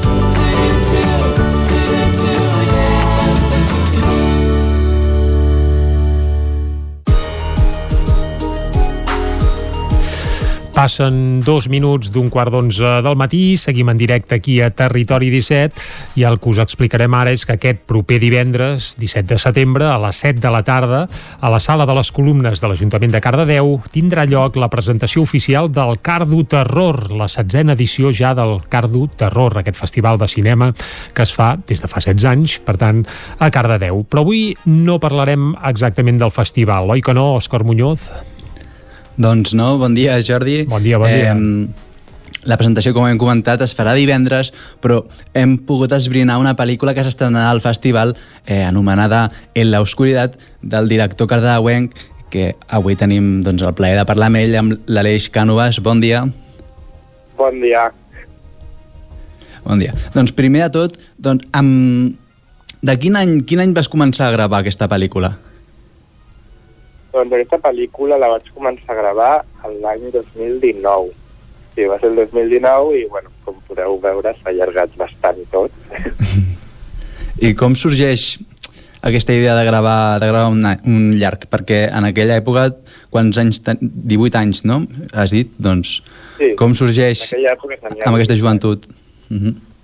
Doncs no ho sé, perquè sempre m'han fascinat tot el tema de l'audiovisual, fer vídeos, fer curts, i des de ben petit que ja tenia, que tenia un canal de YouTube on feia vídeos així cutrillos i, i no sé, i sempre m'ha agradat molt aquesta idea de crear contingut i vaig començar fent curts, vaig començar fent vídeos així com els que he dit i al final doncs, vaig dir, vale, doncs anem a provar a fer una pel·li, encara que sigui una mica boig i, i bueno, i al final doncs, va sortir alguna cosa. I, per cert, eh, Aleix, que hagis trigat tant, és culpa de la pandèmia o, o no? O simplement ha vingut així? Pues jo crec que la pandèmia pues, ha fet alguna cosa, però jo crec que he trigat tant pues, perquè ha sortit així, o sigui, mm, primer vam fer com un primer resultat de la peli, no em va acabar de convèncer i vam gravar noves, nous plans i noves coses per afegir-hi a la història, Llavors em va començar a agradar més i és com que s'ha anat allargant el procés i mai l'hem acabat d'editar ni d'estrenar. Va, fes-nos 5 cèntims a l'eix de què va una mica la pel·lícula sense acabar-nos de desvetllar al final, eh, que el que ha de fer la gent és veure-la presencialment si pot ser, eh? però situa'ns una mica. De què va el film? Bueno, així molt resumit, doncs és d'una noia que viu des de ben petit amb la seva tieta, des de que van morir els seus pares, Llavors, en aquella casa, la Lídia, que és la noia, veurà que ha estat enganyada des de ben petita i descobrirà doncs, els secrets més foscos de la seva família, secrets que desconeixia. Tachan, i fins aquí puc, puc llegir, oi? Volíem, no ens explicaràs gaire res més, més. No, no, no. Perfecte. Doncs, eh, I per què, o sigui, t'agrada aquesta temàtica de thriller o, o t'agradaria per nous eh, projectes al futur, t'agradaria seguir per aquest camí de, així de por o només va fer aquesta pel·lícula doncs, perquè t'agrada eh, aquest gènere i, i ja? Bueno, aquest gènere m'agradava molt i em cridava molt i de fet vaig fer un curt ja que era de terror també i després va venir aquesta pel·li i és com que potser no havia provat gaires més gèneres i em vaig quedar amb aquest però ara sí que he tingut l'oportunitat doncs, de provar-me a mi mateix i de descobrir més gèneres i més opcions que potser m'agraden més que el terror i, per cert, eh, tornant a la presentació del film, es farà en el marc del Cardo Terror. Per algú de Cardedeu com tu, suposo que és especial que es pugui presentar en el marc d'aquest festival, oi?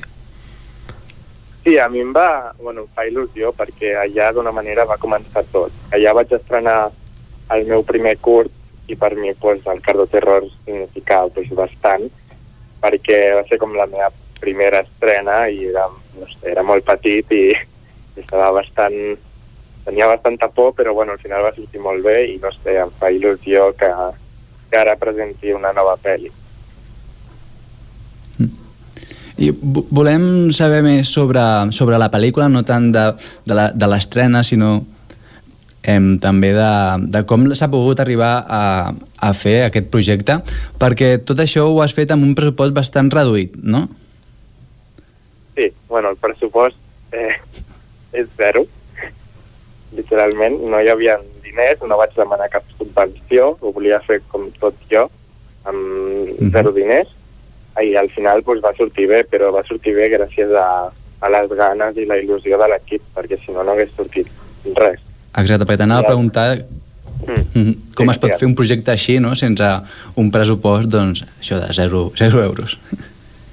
Doncs, doncs això, no? la gent mm. s'engresca i, i veus que tenen ganes, tu tens ganes, clar, això si la gent no tingués ganes doncs et desanima molt, però al veure que tothom s'implica i tens a la gent que vulguis i ara t'ajuden d'aquí, t'ajuden d'allà, doncs al final acaba sortint una cosa guai i, i, al final pues, et sents orgullós d'haver-ho fet sense diners i no sé, té més mèrit per mi, crec i uh, parla'ns una mica de l'equip tècnic que t'ha ajudat i també de, dels actors i sobretot com els has, entre cometes, enganyat a tots plegats per formar part del projecte. Doncs la que va la que em va dir, no em parava de dir una noia que va sortir al curs anterior, que fet una pel·li, que fet una pel·li que, que li havia agradat molt fer el curt i que volia ara sortir una pel·li, que no sé què. I d'una manera doncs, va ser això el que em va com animar a fer-ho també i, i al final doncs, vaig fer el guió, i vaig passar i tal, després vam buscar les altres actrius, que tots són noies, menys un, però el 90% són noies i són de Cardedeu, tant equip tècnic com... Quilòmetre com zero, eh, a l'hora de buscar sí. també actors i actrius. Sí, sí. Uh -huh. Són, són tots de Cardedeu i de, bueno, de fet l'equip tècnic és tot de Tele Cardedeu, que és on jo col·laboro i, no sé, ja ens coneixem d'allà i sí, sí, tots teníem moltes ganes i, i ens ho vam passar molt bé al final. És molt divertit gravar i, bueno, porta molta feina, però és el resultat i, i és agraït després. Has dit que t'agrada treballar, bueno, que t'agrada treballar amb aquest pressupost zero, ja que doncs, té més mèrit.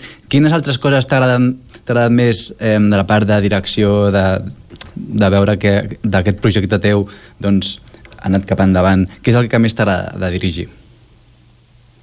dirigir en si no és que m'apassioni, sincerament. O sigui, a mi m'agrada... Bueno, aquesta pel·li també m'ha ajudat molt a veure el que m'agrada i el que no, i el que faria i el que no. O sigui, jo abans de fer-la no havia estudiat res de cine, i d'una manera pues, això va ser com un curs d'intenció de a veure el que m'agrada, el que no, i el que puc aprendre i el que no. I, i al final he après molt fent-la, perquè és això, és com són com els meus estudis, d'una manera, saps? I, mm -hmm. I no sé, i dirigir he vist que no m'agrada tant, però he vist que m'agrada molt fer a càmera, buscar planos, buscar il·luminacions, sigui, direcció de fotografia m'agrada. Per I tant... això no ho sabia fins mm que vaig fer aquesta pel·li. Per tant, en un futur et veus més en aquest paper, per exemple, de director de fotografia càmera, que no pas fent de director. Sí, sí, totalment. a mi m'agrada molt buscar imatges, molt. Uh, per cert, ens pots avançar algun projecte que ja et rondi pel cap? Bé, primer Bueno. cal estrenar la pel·lícula, eh? Això, el més recent, ho tenim a la cantonada, però segur que ja n'estàs uh, preparant alguna. Bueno, sí que és veritat que fa poc vam estrenar un curt amb la Maria López, que es diu La Casa Bernoulli. Coneixem bé la Maria López, col·laboradora sí. també de Territori 17, i tant. Sí, sí. pues vam fer un curt que es veia així i jo vaig ser el director de fotografia i ella va ser la, la direcció. I aquest curt pues, sí que em va agradar molt fer-lo perquè jo no feia direcció, però feia direcció de fotografia, que és el que a mi m'agradava. I, I això ha sigut la cosa més recent que he estrenat. Ara ja l'estic l'estic punxant perquè faci un altre guió, perquè m'ho vaig passar molt bé fent aquest curt i, i, i tinc ganes de fer més coses amb ella. I, per cert, a nivell d'estudis, on t'estàs formant ara mateix? Doncs, sincerament, a, a cap lloc. O sigui, tot el que sé ho he pres sol. Autodidacta. Sí, sí, sóc autodidacta mm -hmm. totalment.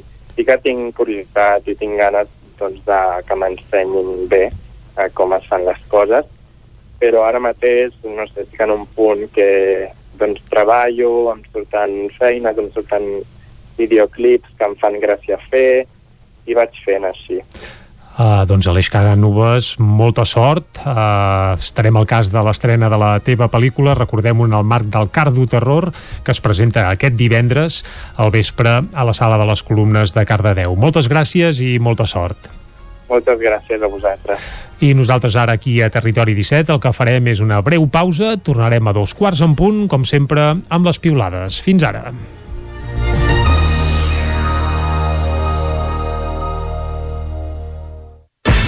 El nou FM, la ràdio de casa, al 92.8. Cocodril Club. Si t'agrada la bona música dels anys 60, 70 i 80, escolta el 9 FM els matins de dissabtes i diumenges d'11 a 1. És el temps del Cocodril Club, tot un clàssic de la ràdio, amb les bases del pop-rock, les llegendes, les cançons que s'han convertit en autèntics himnes. Recorda, dissabtes i diumenges al matí, d'11 a 1, al 9 FM 92.8. Cocodril Club, el programa revival de l'Albert Malla. Hasta luego, cocodrilo. Cobertes serveis funeraris. Els nostres tanatoris estan ubicats en els nuclis urbans més poblats de la comarca d'Osona per oferir un millor servei. Tanatori de Vic, Tanatori de Manlleu, Tanatori de Centelles i Tanatori de Roda de Ter. Sabem que són moments difícils i per això el nostre compromís és atendre-us en tot moment amb un tracte humà, sensible i respectuós. Cobertes serveis funeraris. Telèfon 24 hores 93 883 23 46.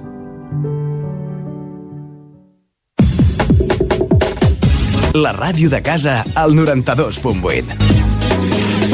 El 9 FM.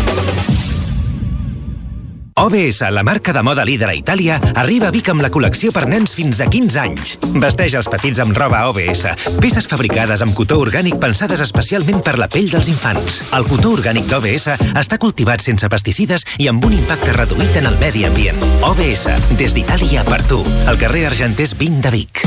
Mudances a la carta. Som especialistes en muntatge i desmuntatge de mobles. Oferim servei de guardamobles i fem mudances a tot el territori. Trasllats de pianos i peces delicades i també fem embalatge i protegim. Mudances a la carta. Serveis adaptats a cada client. Ens trobaràs al telèfon 605 04 34 75. El nou Moianès. A partir del 20 de setembre, cada tercer dilluns de mes, amb el 9-9, un suplement especial, farcit de personatges, curiositats i històries singulars. El nou Moianès. La informació de la comarca al teu servei.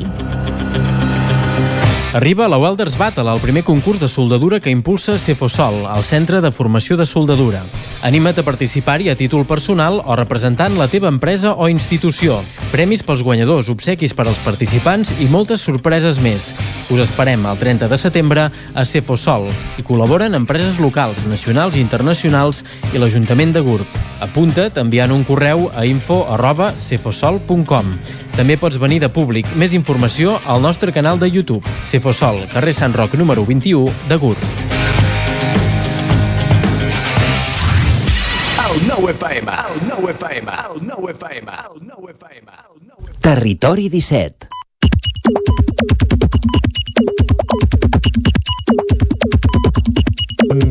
Ara sí, dos quarts d'onze del migdia, som a l'equador del territori 17 d'avui dimecres, dia 15 de setembre de 2021, dia en què arrenca el Mercat de Música Viva de Vic i dia sobretot en què taula de diàleg a les 3 de la tarda es troben Sánchez i Pere Aragonès, a les 5 començarà el Festival de la Taula, que no sé si és un dels motius que centra les piulades d'avui, ho descobrirem de seguida amb la Clàudia Dinarès. Clàudia, molt bon dia. Doncs sí, sembla que m'hagis pres el guió, eh? Ara, pla. Pràcticament. No, no, això tirem pel dret, eh? No en tinc ni idea de quines piulades ens portes, Clàudia, això en podem donar fe, eh?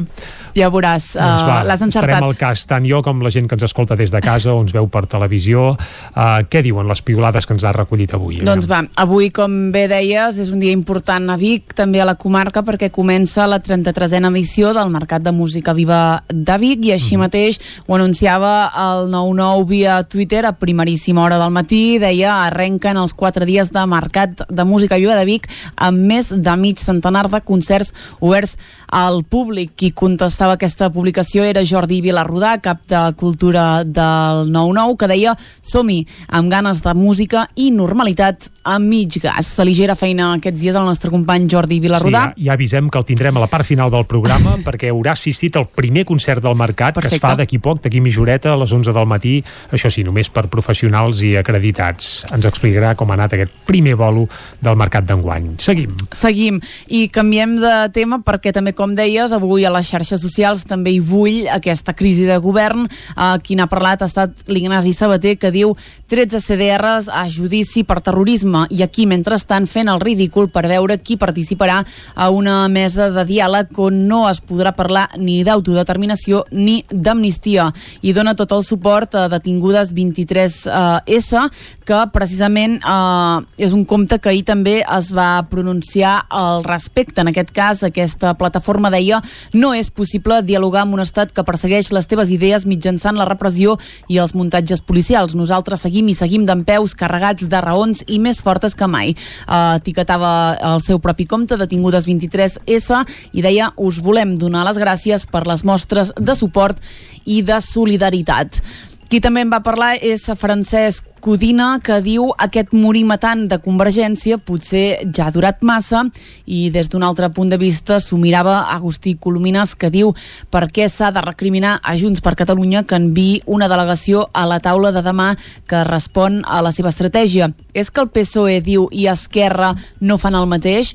Una última reflexió que fa, diu una cosa és que els de Carles Puigdemont deixin fer a Pere Aragonès i una altra sotmetre's al seu dictat.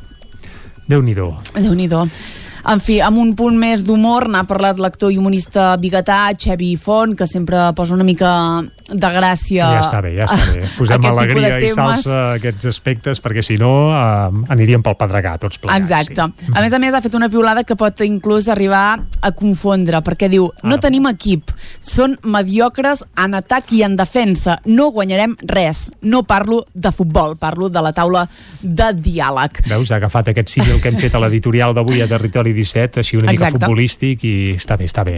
Molt bé, i acabem parlant del Barça, que evidentment ja ho hem vist a les portades, és un altre tema del dia. Mm -hmm. uh, qui n'ha parlat és en Jordi Remolins, des del Ripollès, que diu o soc del tònic total o la samarreta de la Champions del Barça és blava i rosa.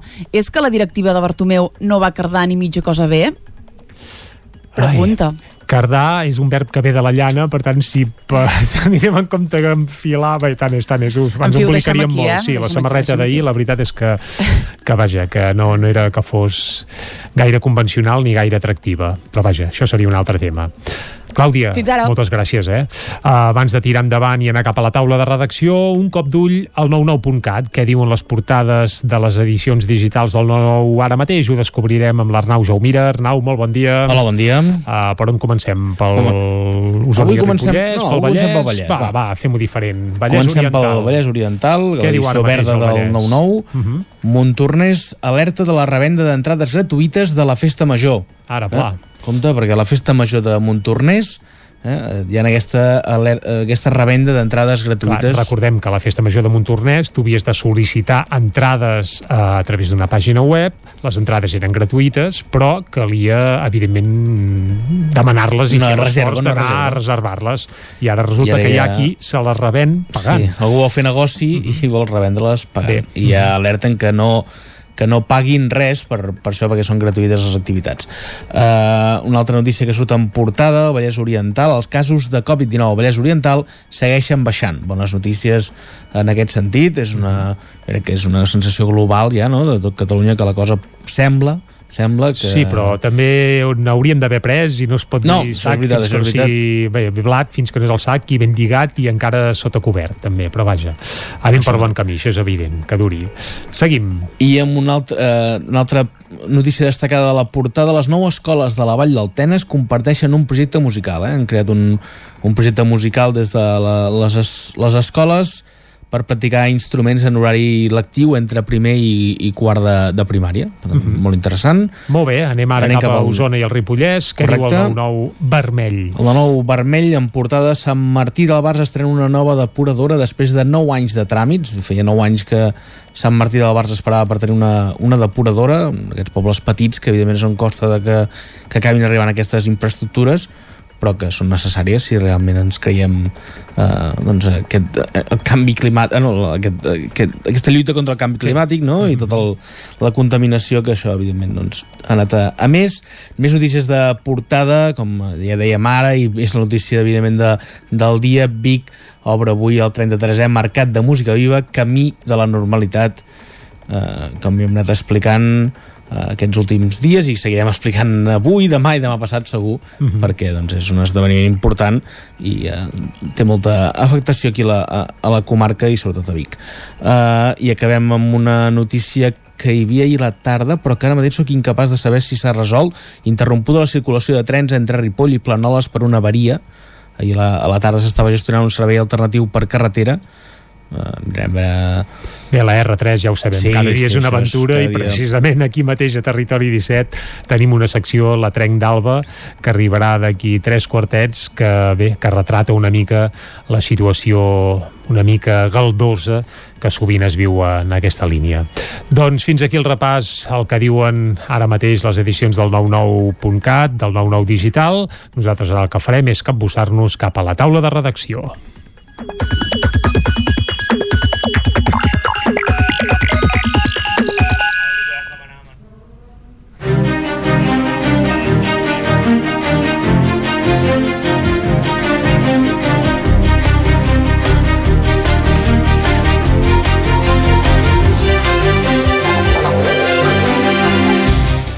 Doncs quan passa mig quart de dos quarts de, eh, d'onze del matí és el moment de la taula de redacció una taula de la redacció que avui compartirem amb Víctor Palomar i Isaac Muntades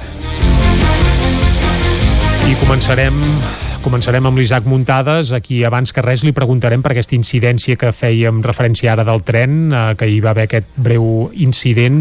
Eh, Isaac, molt bon dia. Molt bon dia, Jordi. Saps si es pot circular amb normalitat pel Ripollès eh, amb la R3? En principi sí, el que passa és que sí que és veritat que el retard de, dels trens eh, era de, de 100 minuts, vull dir que era una, una autèntica barbaritat, però en principi eh, això ja s'hauria d'haver eh, solucionat. Bé, em sembla que tenim ara el Víctor Palomar, que també el tenim aquí ara a l'estudi, que després ens parlarà del Xevi Buigas, que ens fa un apunt ferroviari, eh, Víctor? Sí, doncs eh, això, a un quart d'una de la matinada, a un quart d'una de la matinada, Adif havia restablert la circulació sí. ferroviària, ferroviària entre Ripoll i Planoles i això, sí que deien que el primer tren eh, tindria retards i que es aniria recuperant durant el dia, però que, que això, que la resta del servei circula amb normalitat a la línia, amb la normalitat habitual. Sí, Ah, sí, sí. No? Sí. Hi ha un quart d'una de la matinada, com que de trens n'hi van pocs, tampoc devia afectar gaire, però puntuals. vaja. Molt bé, anem ara a la taula de, de redacció. Comencem amb l'Isaac Muntades, que no ens volia parlar de trens des de la veu de Sant Joan, oi, Isaac?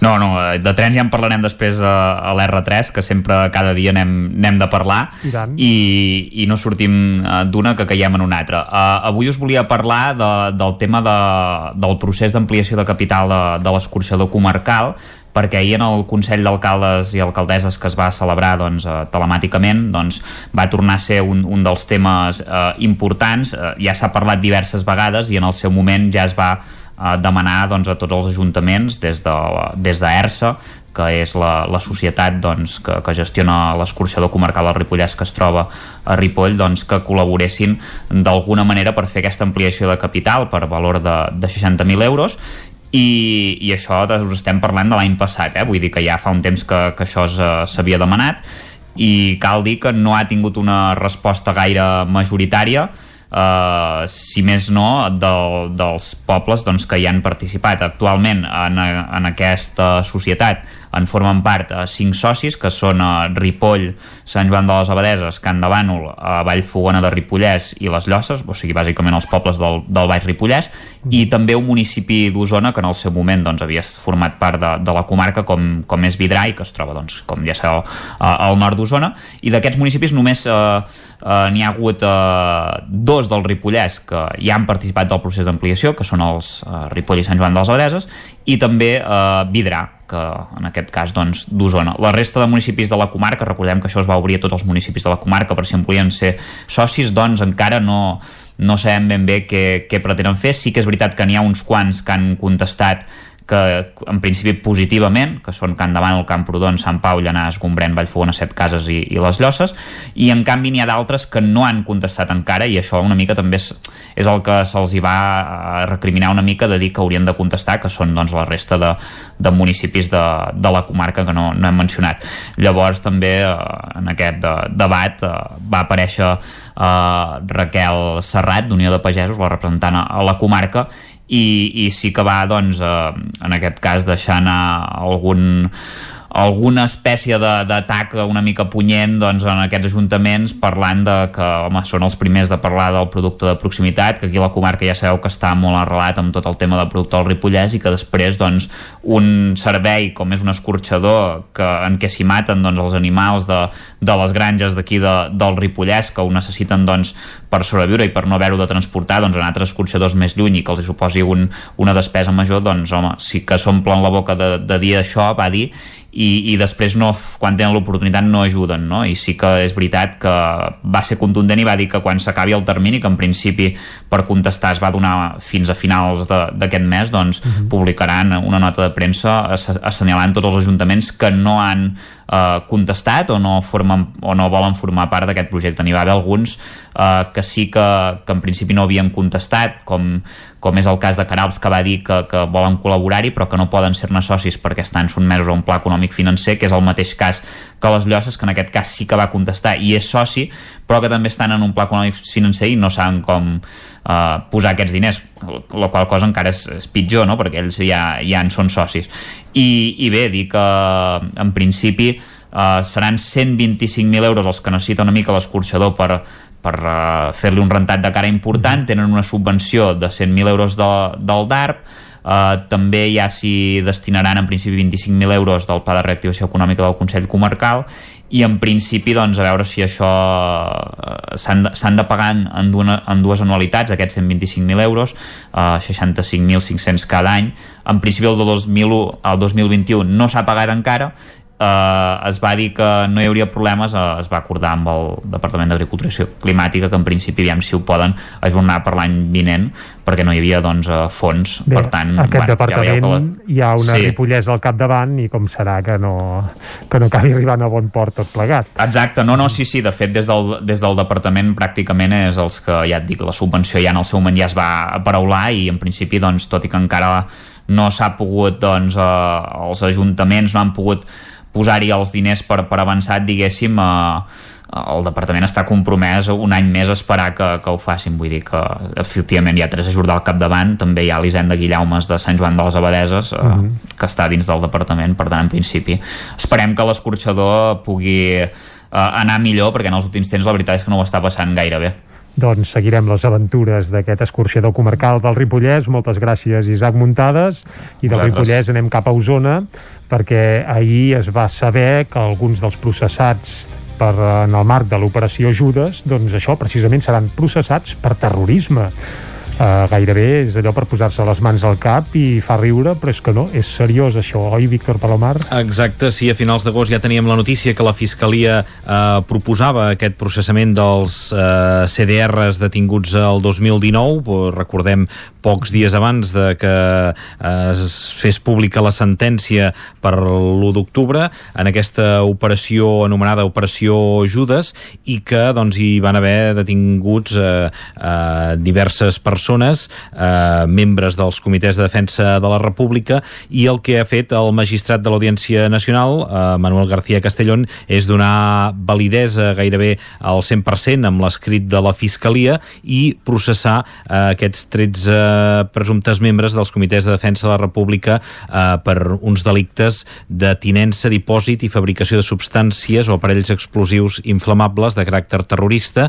Això seria amb nou d'ells, eh, amb tots 13 se'ls eh, se processa per terrorisme, per terrorisme correcte. i a nou d'ells eh, per aquests altres, per, per tenir Per en possessió Mhm. aquesta eh, eh, tenir dipòsit i fabricació de substàncies o aparells eh, explosius. Segons l'escrit de processament d'unes 45 pàgines eh, es van crear aquests, dins els CDRs es va crear aquests grups que estarien eh, decidits a fer un pas més eh, en, el, en les protestes que hi havia en aquells moments o que estaven previstes que hi haguessin en aquells moments i eh, els plans que se'ls hi acusa que volien fer doncs és una ocupació del Parlament de Catalunya en el moment en què se sapigués la, la sentència i quedar-se allà tancats durant, durant almenys una setmana eh, amb el relat que fa la Fiscalia doncs diu que això, que tindrien l'ajuda d'algú de dins del Parlament que entrarien per la porta principal es tancarien a dins i que a més a més doncs, ja tenien pensats d'una instal·lació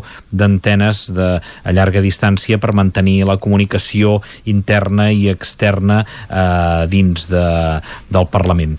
Eh, en fi, els advocats dels eh, processats eh, diuen que les proves són molt febles, que tot aquest relat de la Fiscalia doncs, eh, eh, és fals, que han anat a, amb poques proves que han anat ajuntant i fora de context doncs eh, haurien eh, fet aquest relat que ha acabat doncs, amb aquest processament de, dels 13 membres dels CDRs entre els quals eh, hi ha un usonenc, Xavier Boigues que estaria acusat del delicte de pertinença a organització terrorista unes penes que poden anar dels 6 als 12 anys de, de presó i en el cas dels que també se'ls acusa de tinença, dipòsit i, i també fabricació de substàncies o aparells explosius aquí les penes podrien arribar fins als 27 anys de presó. Mare uh, sí, sí, en els, bestiesa. en els propers dies contra aquesta decisió del, del magistrat es pot presentar recurs, un cop sigui ferma doncs les parts hauran de presentar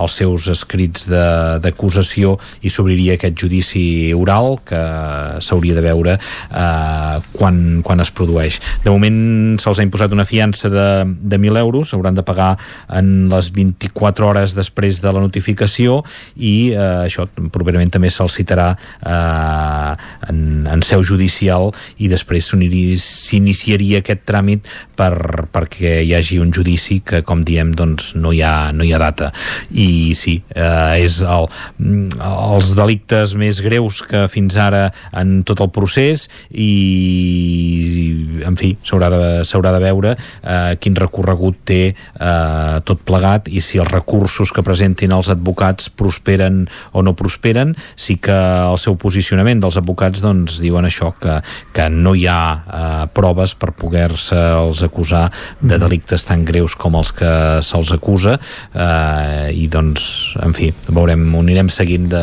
de com avança. Doncs ho seguirem, evidentment. El que sí que és curiós és que mentre uns parlen de taula de diàleg i s'asseuen, per l'altre cantó avui hi ha l'antiga mesa del Parlament que va declarar al Tribunal Superior de Justícia de Catalunya es processen per terroristes al CDR encausats en el marc de l'operació Judes o, per exemple, la Fiscalia vol reactivar el cas de Tamara Carrasco, entre molts d'altres successos vinculats al procés. Ho seguirem aquí a Territori 17. Moltes Molt gràcies, bé. Víctor Palomar. Nosaltres ara seguim i ho farem parlant de literatura.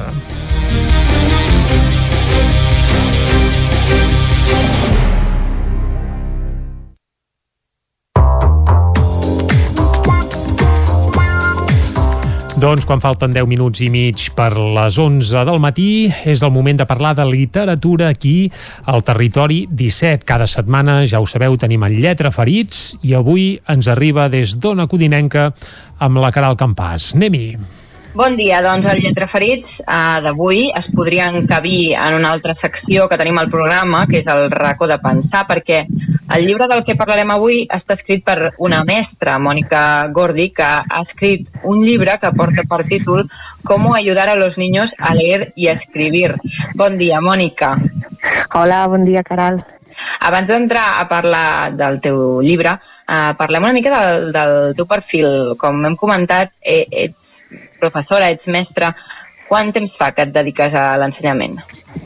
Doncs mira, aquest curs fa 18 anys que em dedico al món educatiu i he passat per totes les etapes educatives, des del primer cicle d'educació infantil, que és escola bressol, després el segon cicle, he estat a primària, també he fet eh, formació d'adults, formació de, de mestres opositors, he impartit seminaris també a mestres i mira, fa 18 anys que imparteixo classes.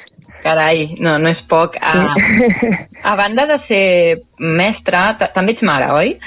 Sí, tinc un, un petit que ara ha començat el curs de P5, està a punt de complir 5 anyets. Uh, podríem dir, i ara entrant a parlar ja del llibre, que el fet de ser mare doncs, va ser una de les motivacions per, per plantejar-te escriure uh, aquest llibre?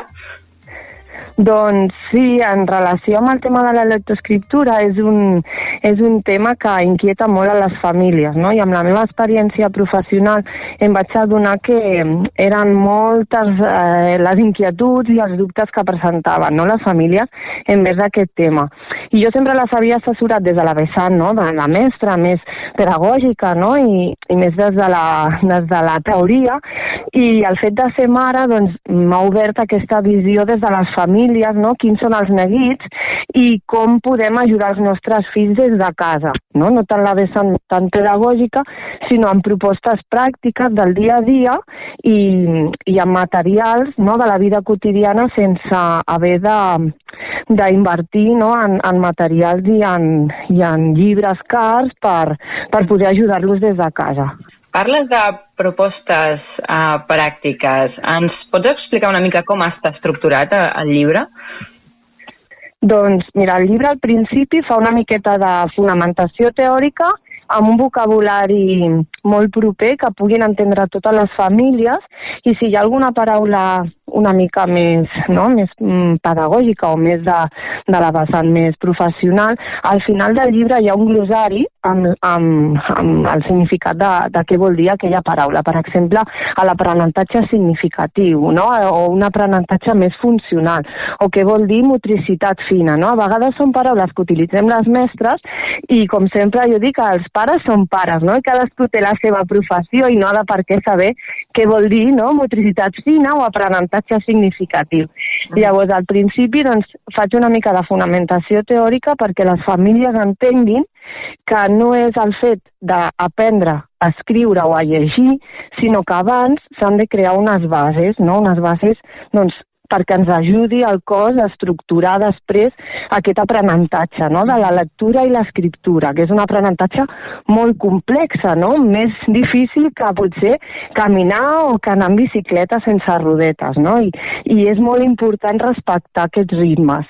Llavors, en el llibre parlo sobretot d'aquesta fonamentació teòrica i després hi ha moltíssimes activitats, eh, propostes que poden fer les famílies a casa, a més a més, també hi ha un codi QR amb uns imprimibles que si el nen ja està engrescat amb la lectoescriptura i volen aprofundir una miqueta més, tenen un material que el poden descarregar amb un codi QR.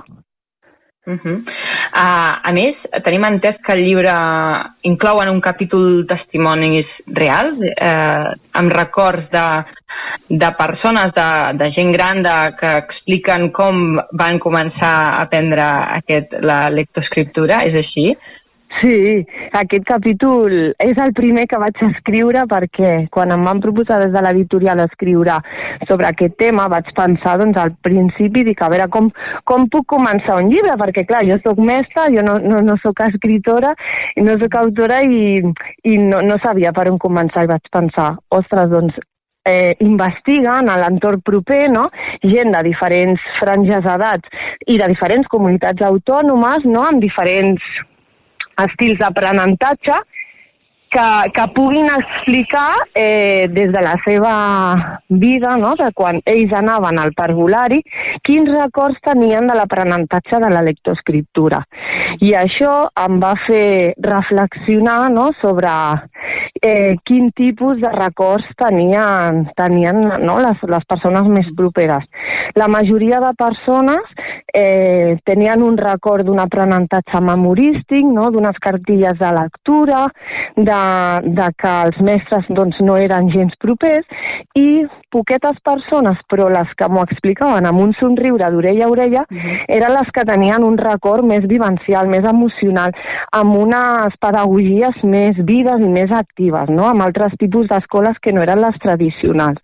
I al final doncs, la reflexió és que els nens i tothom aprenem a partir de la motivació. Jo sempre dic que sense motivació no hi ha aprenentatge, i que les, les, els aprenentatges s'han de viure, s'han de tocar, s'han d'experimentar, -huh. des del zero fins fins que ens morim, vull dir, no, no hi ha un límit no, per aprendre i llavors les coses ens han d'entrar per, per tots els canals sensorials perquè és d'aquesta manera quan aprenem. I l'aprenentatge de la lectoescriptura habitualment s'ha fet de manera molt memorística, Uh -huh. I aquest fet, doncs, al final acabem aprenent, però no tenim un bon record. Uh -huh. I és, és la reflexió que jo vaig fer amb, amb les entrevistes a totes les persones que surten en el capítol dels testimonis. Uh -huh. Per tant, podríem dir que, que doncs, el tipus d'educació que es realitzava abans a les escoles ara ha canviat molt en el sentit aquest de la lectoescriptura? Doncs encara tenim molt de camí per fer perquè nosaltres, és veritat que aquí a Catalunya des de fa molts anys les pedagogies cada vegada són més actives i som una comunitat autònoma que sempre hem estat a, en comparació amb, amb altres d'arreu de, d'Espanya, doncs pioneres en aquest sentit, no? en escoles Montessori, Waldorf, Pickler, però sí que és veritat que encara queda molt camí no? per recórrer i les, les, els mestres no? ens, ens, ens hem de formar no? més encara, les famílies també han d'obrir una mica també la mirada no? envers a, a, a, als nens. No? La societat ha canviat i per sort doncs, és veritat que hi ha una corrent ara molt fort no? de generacions que, que van pujant, que cada vegada tenen aquesta mirada més respectuosa, no tan tradicional, fan servir metodologies més alternatives, més significatives, no? més competencials, que al final eh, els nens i nenes, que són la societat del futur, doncs aprenen no? a partir d'aquestes metodologies més, més properes per ells, no? que, que tinguin una funcionalitat, no? de per què jo haig d'aprendre a llegir i a escriure, no? doncs perquè això m'obrirà portes en el, al món, no? podré, podré anar a comprar, podré anar al cinema, podré viatjar, llavors eh, els, nens, els nens han d'aprendre no? que eh, serveix per alguna cosa, no? i llavors és important fer-ho a través de metodologies molt experimentals i que siguin molt vivencials per ells. Uh -huh. eh, ets nascuda a Mollet, però vius a, a Vigues i Riells, i de fet eh, havies de presentar el llibre, però per la pandèmia eh, es va haver de plaçar. Finalment vas poder fer aquesta presentació a Vigues? Sí, la vam poder fer just eh, el dia que, que havia de fer la presentació, eh, la tenia a les 6 de la tarda i a les 2 em van trucar la directora de la biblioteca que s'havia d'anul·lar per, per la pandèmia uh -huh. i fi, finalment un mes després la, el vaig poder presentar molt contenta i en un espai molt bonic i al final sí que ho vaig poder fer. Ja fa 3 anys que visc a Vigues i, i contenta d'estar uh -huh. per aquí a la Vall del Tenes. Uh, el llibre, a part d'aquest llibre, tens un altre espai on, on comuniques i on parles d'educació, de, uh, i és que tens un perfil d'Instagram que es diu Teachers Activity Corner, a veure si ho dic bé. Uh, sí. Explica'ns una mica què difons en aquest canal i quan fa que, que el vas posar en marxa. Doncs aquest canal ja fa més de 3 anys que el vaig posar en marxa i també va ser arrel de, de començar a posar propostes que jo feia tant amb el meu fill que llavors era, era un nadó doncs, a casa, eh, tant amb el meu fill com a, amb els grups que jo estava impartint classes a les escoles. I llavors, doncs, amb la mateixa línia del llibre, són propostes que són molt fàcils d'elaborar, materials eh, molt casolans, amb, amb un cost no? eh, de baix cost, que a vegades doncs, tant a casa com a les escoles no? hem, hem de buscar maneres de, de poder fer materials i de que ens serveixin per diferents diferents eh, nens i llavors en, en el meu perfil, com has dit molt bé, Teachers Activity Corner, doncs vaig penjant amb una regularitat de cada dia, cada dos dies més o menys, alguna proposta didàctica que abarca les edats doncs, des dels dos anys fins als 8, 9, 10 anys, una mica tenent a, a, la, a la diversitat no? de, de l'alumnat. Uh -huh. Reps feedback a través de, de les xarxes? Eh, creus que hi ha una necessitat, no?, eh, que, que també se solventa amb aquest llibre que has escrit i molts dubtes de les famílies en aquest procés de desenvolupament més, no?, um, més de, de, amb nens molt petits? Doncs la veritat és que amb les xarxes socials, sobretot amb, amb l'any de pandèmia, mm. es va obrir una finestra molt gran eh, entorn a tot el, no, a l'aprenentatge aquest des de casa. Eh, llavors, sí que és veritat que moltes famílies em pregunten molt, de molts temes, eh, però en relació a la lectoescriptura, doncs, mm. com puc ajudar amb el meu fill sobretot em fan la pregunta de com poden ajudar al seu fill o a la seva filla que té X, X edat i els seus companys llegeixen, per exemple, i ells no, no? Uh -huh. ens, ens trobem no, amb aquest tema de les comparacions, no? de, de que el, la fita d'arribar a llegir i a escriure no s'assoleix a l'etapa d'educació infantil i moltes famílies ho tenen com, com d'obligació, no? Mm. Tenen una pressió i una necessitat de buscar recursos. Mm. I és el que em trobo jo majoritàriament, no? Preguntes de com ho poden ajudar, no?, des de casa. Uh -huh. Doncs amb aquesta recomanació d'aquest perfil Teachers Activity Corner a Instagram i amb aquesta conversa amb Mònica Gordi que ha escrit el llibre Cómo ayudar a los niños a leer y escribir acabem aquí al Lletra Ferits. Moltes gràcies per parlar amb nosaltres, Mònica. Moltes gràcies a tu per convidar-me. Una abraçada.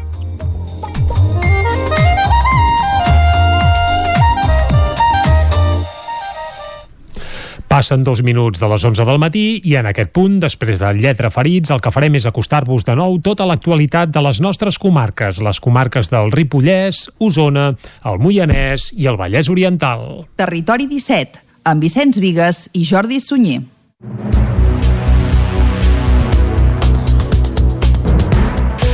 El ple de Vic, que dilluns va recuperar la presencialitat, va aprovar el Pla Estratègic del Remei, un document que ha de donar resposta a les necessitats del barri. El punt només va comptar amb els vots a favor de l'equip de govern i la regidora del PSC. Esquerra es va abstenir i Capgirem Vic hi va votar en contra. Després de l'aturada del mes d'agost, dilluns va arrencar el curs polític a Vic amb un ple presencial. Un dels punts que va aixecar més polseguera entre el govern i oposició va ser l'aprovació del Pla Estratègic Comunitari del Remei, un document que culmina el procés participatiu que el consistori biguetà va impulsar fa un any i que ha de donar resposta a les necessitats del barri. Les quatre accions que es donen a terme les explicava el regidor de Ciutadania i Participació de l'Ajuntament de Vic, Josep Ramon Sol de Viala. Les quatre accions són programar activitats extraescolars adreçades a la infància, als joves i les famílies del barri per tal d'afavorir la cohesió social i la generació d'oportunitats, cartografiar la, la situació de les comunitats de veïns, dels parcs d'habitatges, dels usos de la, i de la situació dels equipaments i espais públics, definir definició conjunta i posada en marxa de l'espai de referència per al barri en dinàmiques comunitàries, i el quart, la millora i manteniment i dinamització dels espais públics del barri. El punt va tirar endavant amb els vots a favor de l'equip de govern i de la regidora del PSC, Carme Atena. Des d'Esquerra es van abstenir. Maria Balasc n'és la portaveu. Per nosaltres hi ha un problema clau, que és que en cap lloc, en cap lloc, es parla del pressupost necessari per fer aquestes accions, d'on surt, eh, d'on sortirà el pressupost. Hi ha una partida destinada quants diners hi, hi posarem per, per dur a terme aquestes actuacions. Els únics vots en contra van ser els de Capgirem Vic. Els anticapitalistes van denunciar la gestió política que el govern d'Anna R ha fet amb el pla estratègic. Susana Vives és regidora de Capgirem Vic. Només per posar un exemple, vostès han fet de menys a la demanda de la necessitat de la creació d'un casal de barri. Han prioritzat una remodelació del parc de l'Horta de la Sínia que hauria d'haver estat adequada al que les veïnes i els veïns demandaven i no el que a vostès els ha, els ha interessat més. El plenari també va aprovar la creació d'un aparcament públic a la Biblioteca Pilarín Vallès, un punt que només va comptar amb els vots a favor de l'equip de govern. Esquerra i el PSC es van abstenir i Capgirem Vic hi va votar en contra. La presidenta de la Diputació de Barcelona, Núria Marín, va visitar tres municipis d'Osona i al matí. Va passar per Centelles, les Masies de Voltregà i finalment va ser a Vic. El primer que va fer a l'Ajuntament de Vic va ser signar el llibre d'honor i tot seguit va ser rebuda per l'alcaldessa Anna R i el regidor de Vic i diputat a la Diputació, Josep Arimany, de Junts, amb qui Marín del PSC comparteix govern. També hi havia el diputat d'Esquerra, Jordi Fàbrega, i la regidora del PSC a Vic, Carme Tena. En el cas de Vic, els dos projectes en curs de més envergadura en què col·labora la Diputació són la nova biblioteca Pilarín Vallès i el Vic.0. Sentim a Núria Marín, presidenta de la Diputació, i Anna R, alcaldessa de Vic.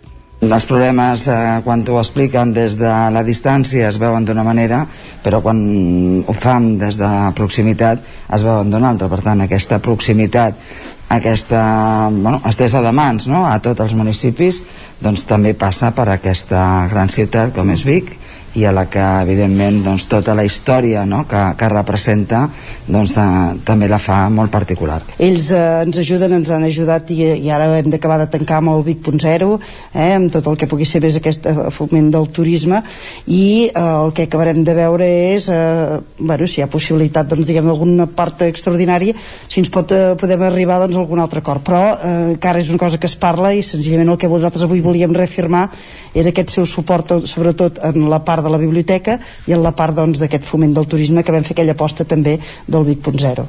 A Centelles, la visita de Marín va servir per parlar sobre el suport de la Diputació a projectes com la reforma del Palau dels Comtes i a les Masies de Voltregà, el cinquantenari de l'Escola Bressol de Can Ripa. El proper 4 d'octubre començarà la recollida de deixalles porta a porta a Llinars del Vallès. Núria Lázaro, de Ràdio Televisió, Cardedeu. A Llinars del Vallès comença la campanya d'informació i repartiment del nou sistema de recollida porta a porta consistent en lliurar els residus ben separats davant la porta de casa, seguint l'horari i dies establerts. Aquest sistema pretén assolir resultats de recollida selectiva superiors, tant en quantitat recollida com en qualitat de separació. Els municipis que el fan servir se situen entre el 60 i el 80% de recollida selectiva. En els pròxims dies, els veïns i veïnes del municipi rebran una carta informativa al seu domicili. Tot i amb això, l'Ajuntament ha convocat dues sessions informatives a la pista anexa del pavelló 1 d'octubre per repartir tot el material gratuït que facilita l'Ajuntament. La primera es va fer el passat divendres, dia 10 de setembre, i la propera serà aquest divendres 17 a dos quarts de set de la tarda, per tal de recollir els cubells i material del porta a porta, ja sigui els estants informatius a les sessions informatives o a l'oficina del porta a porta, es demana que els ciutadans portin la carta informativa que hagin rebut o que rebran a casa seva. La millora dels tancaments a l'escola Lloriana és el projecte guanyador dels primers pressupostos participatius que s'han fet a Sant Vicenç de Torelló. Els veïns van poder votar on es destinaven els 30.000 euros de la partida d'entre un total de gairebé 30 propostes. Els veïns i veïnes de Sant Vicenç de Torelló han decidit que els 30.000 euros del pressupost participatiu de 2021 es destinaran a la millora dels tancaments i finestres de l'escola Lloriana. Aquesta proposta va rebre un total de 54 vots. A la votació, que es podia fer online i també presencial, hi van participar participar 173 persones, gairebé un 11% de la població amb dret a fer-ho, una xifra que des del consistori es valora molt positivament. Eric Sivina és l'alcalde de Sant Vicenç doncs estem realment contents de com ha funcionat aquesta primera edició dels pressupostos participatius a Sant Vicenç. Eh, des de l'inici ja vaia, vaia vam intuir que això aniria bé perquè es van presentar gairebé 30 propostes eh, d'inquietuds doncs, que tenien la gent del poble. Per tant això ja t'indica que és un poble que es mou i que té ganes doncs, de, de dir la seva. I ja ho hem pogut constatar en els resultats. Eh, hi ha hagut un total de 174 vots que representa gairebé un 11% del cens. Per tant és una xifra bastant elevada molt elevada podríem dir als pressupostos participatius que veiem que es fan a la resta de municipis de l'entorn o, de, o de, de Catalunya. El resultat dels pressupostos participatius de Sant Vicenç també ha deixat molt bon regust a l'escola lloriana. Uh, ho vam presentar i bé, la sorpresa nostra, la sorpresa agradable i estem molt contents és que ha guanyat aquesta proposta. I llavors s'ha fet una valoració dels de, uh, els tancaments um, que necessiten una prioritat de ser arreglats i canviats. Com bé sabeu, l'escola és una escola super lluminosa perquè té moltíssims tancaments i evidentment amb 32 anys doncs això s'ha anat deteriorant. 30.000 euros no donen per canviar tots els tancaments de l'escola i és per això que en una primera fase es prioritzarà la façana que dona la cara nord. Començarem ara una mica per la banda nord de la, del centre, que és potser la que també et, um, en termes de d'estalvi energètic doncs és la que també convé més uh, fer una renovació i llavors doncs es, es anirà extenent si és possible a la resta de centre que també ens faria molta il·lusió. L'any 2022 hi haurà nous pressupostos participatius a Sant Vicenç des de l'escola Llúria Lluriana ja avancen que s'hi tornaran a presentar amb l'objectiu de poder acabar de renovar tots els tancaments del centre. Castellterçol tanca un projecte de murals iniciat l'any 2017 que pretén donar més valor a l'espai públic. Des de llavors se n'han pintat quatre i el mes vinent es farà el cinquè i últim. Caral Campàs, des d'Ona Codinenca. Aquesta iniciativa que va donar el tret de sortida durant el passat mandat a Castellterçol ja compta amb quatre murals completats. El primer, creat de la mà de Rock Black Block, està situat al Bosquet de Cansador. El segon, a la sala de plens Prat de la Riba, creat per David Font. El tercer, a la façana de l'Espai Franc, de la mà de l'artista Javi Gar. I el quart, a la fàbrica Anla, en record a les dones del tèxtil. Albert Obrero, regidor d'Educació, explicava l'objectiu de la iniciativa. Llavors, com una de les accions és que eh, a l'art a través del, dels murals estigui present en la nostra vida quotidiana com un element de, de millora de la qualitat de la vida comuna. D'acord? Llavors utilitzem els murals amb temàtica, però també des d'una vessant purament estètica. L'últim, el cinquè, que tenen previst iniciar i finalitzar aquest mes d'octubre, gira al voltant de l'educació. Llavors es quedarà l'últim cinquè, que és educació, que és el que estem treballant ara. L'estem treballant amb la Sílvia Morilla, que és una il·lustradora infantil i mestra d'educació infantil de Cerdanyola, uh -huh. i aquí tanquem una mica el cercle que vam començar amb el primer, perquè una mica la idea és, aquest sí que representa l'educació al llarg de la vida, i com l'educació és un element que va, de vertebrar la comunitat i que comunitats que giren al voltant de l'educació són, són comunitats de qualitat i comunitats en què es té cura de la seva gent. L'execució està prevista de forma col·lectiva amb la participació de diverses famílies conjuntament amb l'artista principal. L'any vinent tancaran aquest projecte amb la creació d'un recorregut amb codis QR que permetrà conèixer els diferents murals.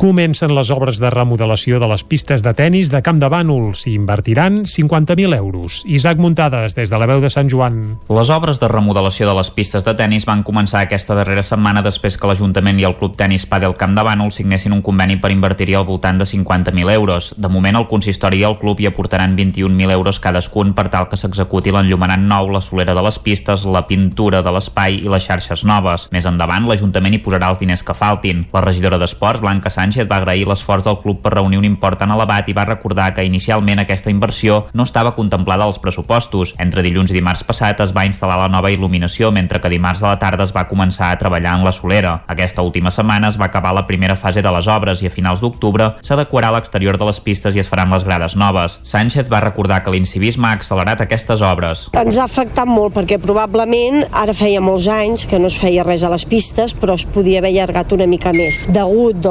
aquest incivisme dels joves que ha provocat una mica doncs, el confinament, ens hem trobat que han vingut molts joves aquí a fer doncs, el botellón, a jugar a futbol a dins de les pistes, a deixar molta brutícia, trencades d'ampolles de, de vidre, tot això doncs, clar, ha, ha provocat que, que la degradació de les pistes doncs, s'adelantés, doncs, segur. Fins ara ja estaven tancades. Reps un codi que en el moment que fas la reserva reps un codi i amb aquest codi cobres, però clar, el jovent se les empesca totes i havia provocat doncs, que, bueno, aixecant la xarxa i doblant una placa poguessin entrar a l'interior, que ja quedava la porta oberta doncs, per tota la nit. Tenim les càmeres instal·lades també, que això ha fet una frenada molt, molt bèstia amb l'incivisme. Està previst que la inauguració de les pistes sigui cap al mes de novembre i en podran gaudir tots els usuaris, entre els quals hi ha una cinquantena de nens de l'escola de tennis.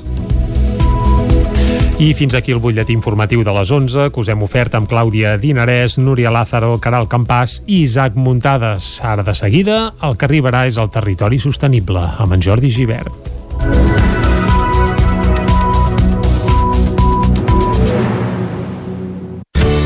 Territori 17. Envia'ns les teves notes de veu per WhatsApp al 646 079 023. 646 079 023. WhatsApp Territori 17.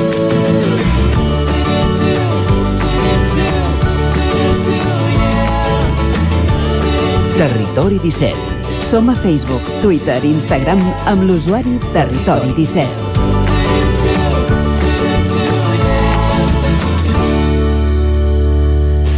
Un quart de dotze del matí és el moment de recuperar una de les seccions que ja teníem la temporada passada aquí a Territori 17, concretament el Territori Sostenible amb Jordi Givert. Avui ha anat a Santa Maria d'Oló i ens parlarà d'una formatgeria ben especial.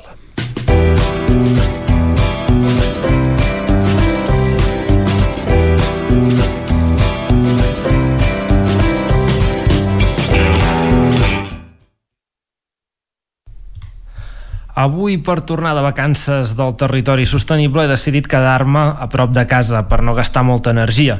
És a dir, que em quedo a Santa Maria d'Oló, al Moianès, per parlar-vos d'un projecte agroalimentari que està d'aniversari i que porta 10 anys fent formatges amb una filosofia molt concreta produir del que ens dona la terra. Es tracta de la cabreria del Flaquer, una família que alimenta les seves cabres a partir del que generen les seves pròpies terres i que tenen com a resultat uns formatges que estan per llepar-se'n els dits. M'acompanyeu?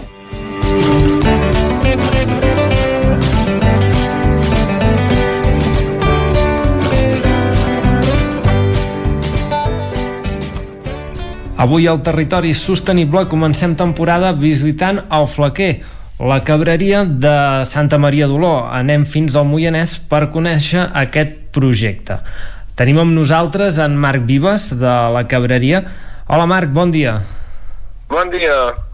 Marc, eh, mira, volíem conèixer una mica millor eh, el, vostre, el vostre projecte. Eh, veneu eh, principalment formatges i altres productes.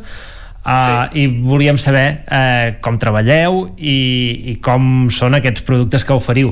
Llavors, per començar, què et sembla si ens expliques com comenceu aquest projecte? Fa uns quants anys que, que hi esteu ja treballant, diguem-ne. Sí.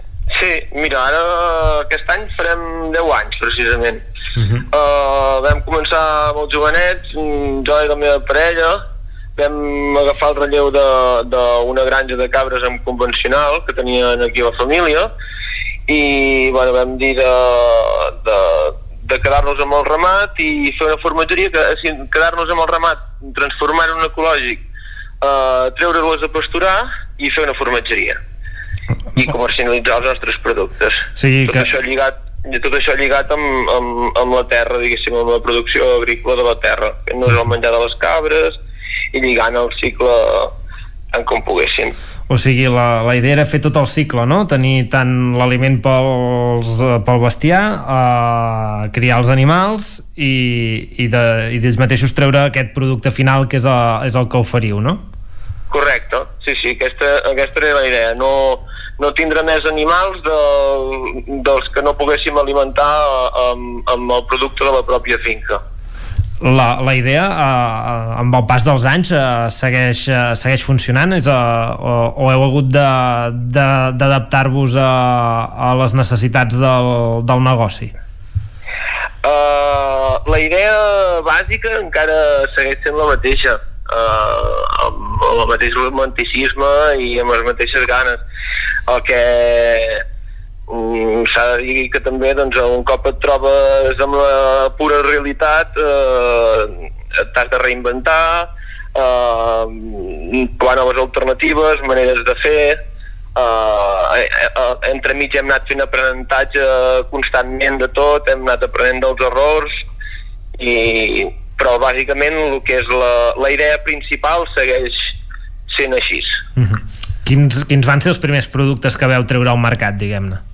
El primer any que vam fer formatges, bueno, uh, vam fer així il·legalment, així per casa i això, sense comercialitzar-los i això, i llavors el primer any que, que, que ens vam ficar a produir legalment, que ens van donar el registre sanitari, que ens va costar moltíssim, que ja ho vam passar amb ecològic i tot plegat, uh, vam començar amb formatge fresc, mató i formatge semicurat.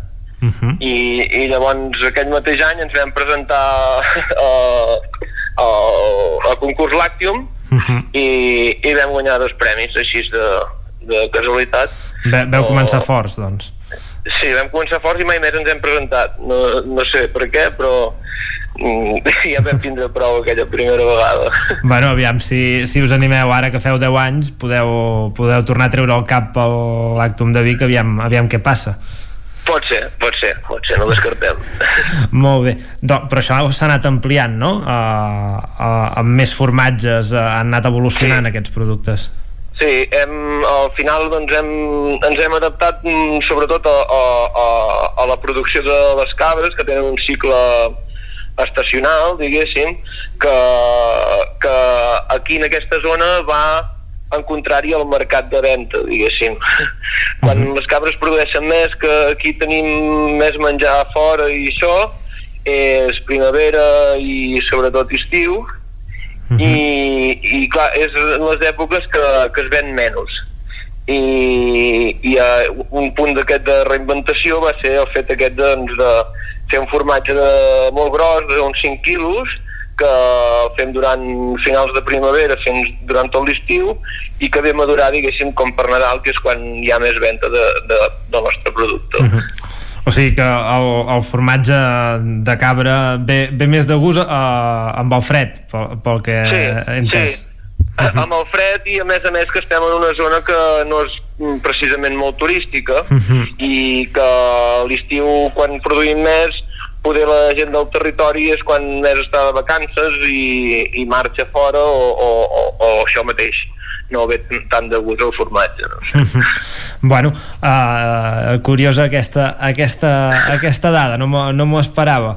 I us complicava una mica la, la vostra vida però, però veig que us heu anat adaptant Uh, ens parlaves de, del, del consumidor. Uh, a on veneu principalment? Uh, clar, és una, ens, mm, el, el negoci familiar uh, a on veneu exactament? Mm, Mira, nosaltres bàsic, el 80% de, o 90% de la nostra producció està destinada al consumidor final.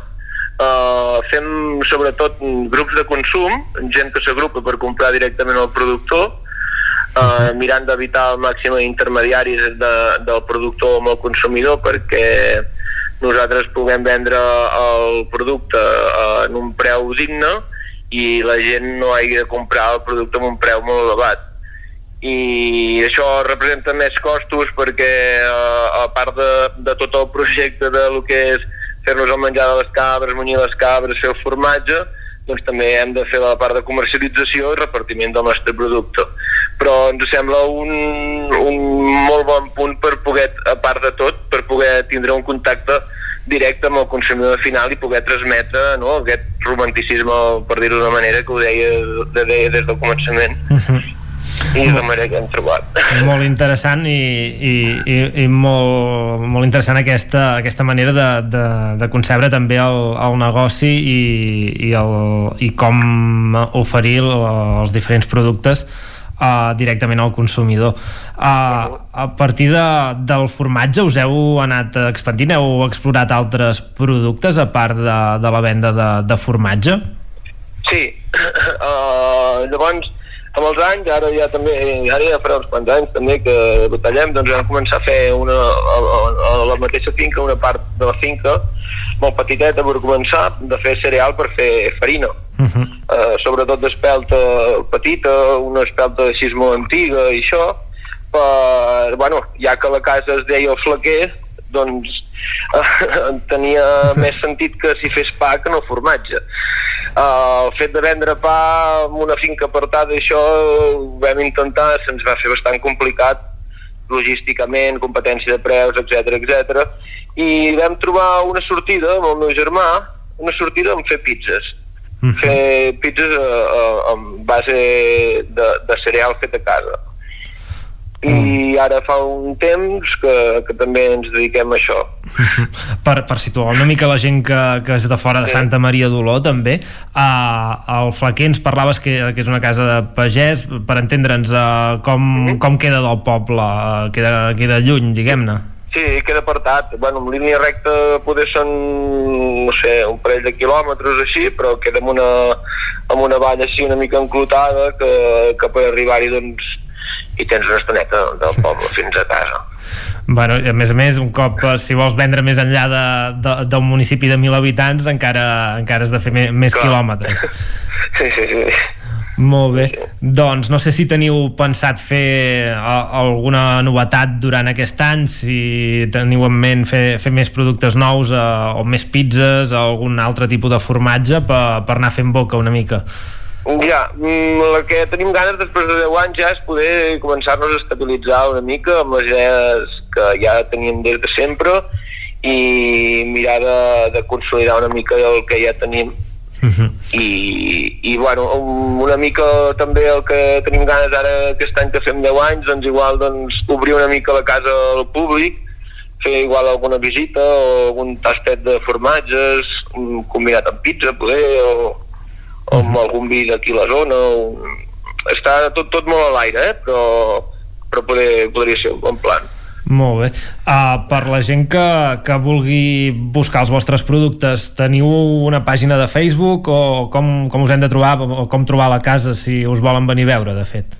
Sí, mira, nosaltres uh, tenim una pàgina de Facebook, però realment el que, que fem servir més i el que ens movem més és a, a, a, a, pel telèfon. El de tota la vida, vaja. El de tota la vida.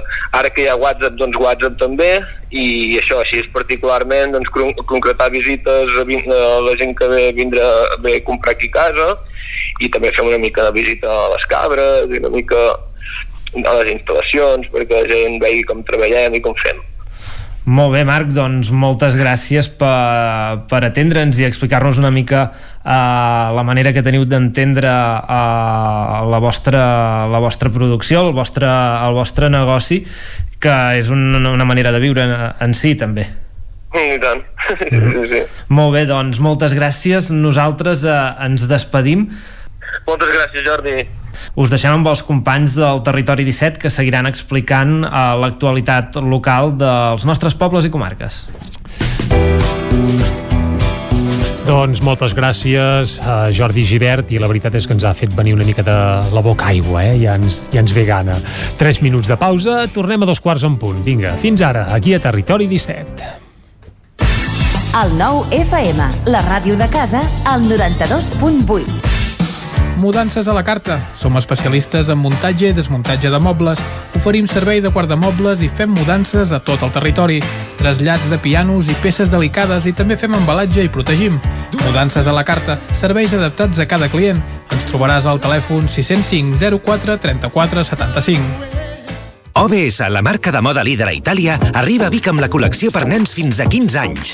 Vesteix els petits amb roba OBS, peces fabricades amb cotó orgànic pensades especialment per la pell dels infants. El cotó orgànic d'OBS està cultivat sense pesticides i amb un impacte reduït en el medi ambient. OBS, des d'Itàlia per tu, al carrer Argenters 20 de Vic. Anuncia't al 9FM. La màquina de casa. 9 3 8 8 9 4 9 4 9. Publicitat arroba al 9FM.cat. Anuncia't al 9FM. La publicitat més eficaç. Cobertes serveis funeraris. Els nostres tanatoris estan ubicats en els nuclis urbans més poblats de la comarca d'Osona per oferir un millor servei. Tanatori de Vic, Tanatori de Manlleu, Tanatori de Centelles i Tanatori de Roda de Ter. Sabem que són moments difícils i per això el nostre compromís és atendre-us en tot moment amb un tracte humà, sensible i respectuós. Cobertes serveis funeraris. Telèfon 24 hores 93 883 23 46.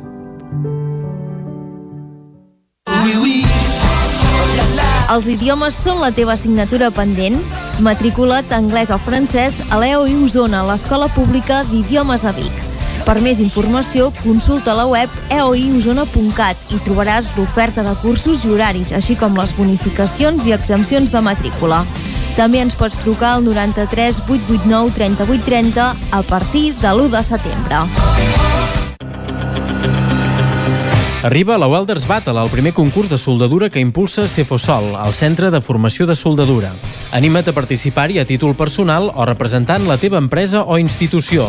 Premis pels guanyadors, obsequis per als participants i moltes sorpreses més. Us esperem el 30 de setembre a Cefosol i col·laboren empreses locals, nacionals i internacionals i l'Ajuntament de Gurb. Apunta't enviant un correu a info arroba. També pots venir de públic. Més informació al nostre canal de YouTube. Cefosol, carrer Sant Roc número 21 de Gurb.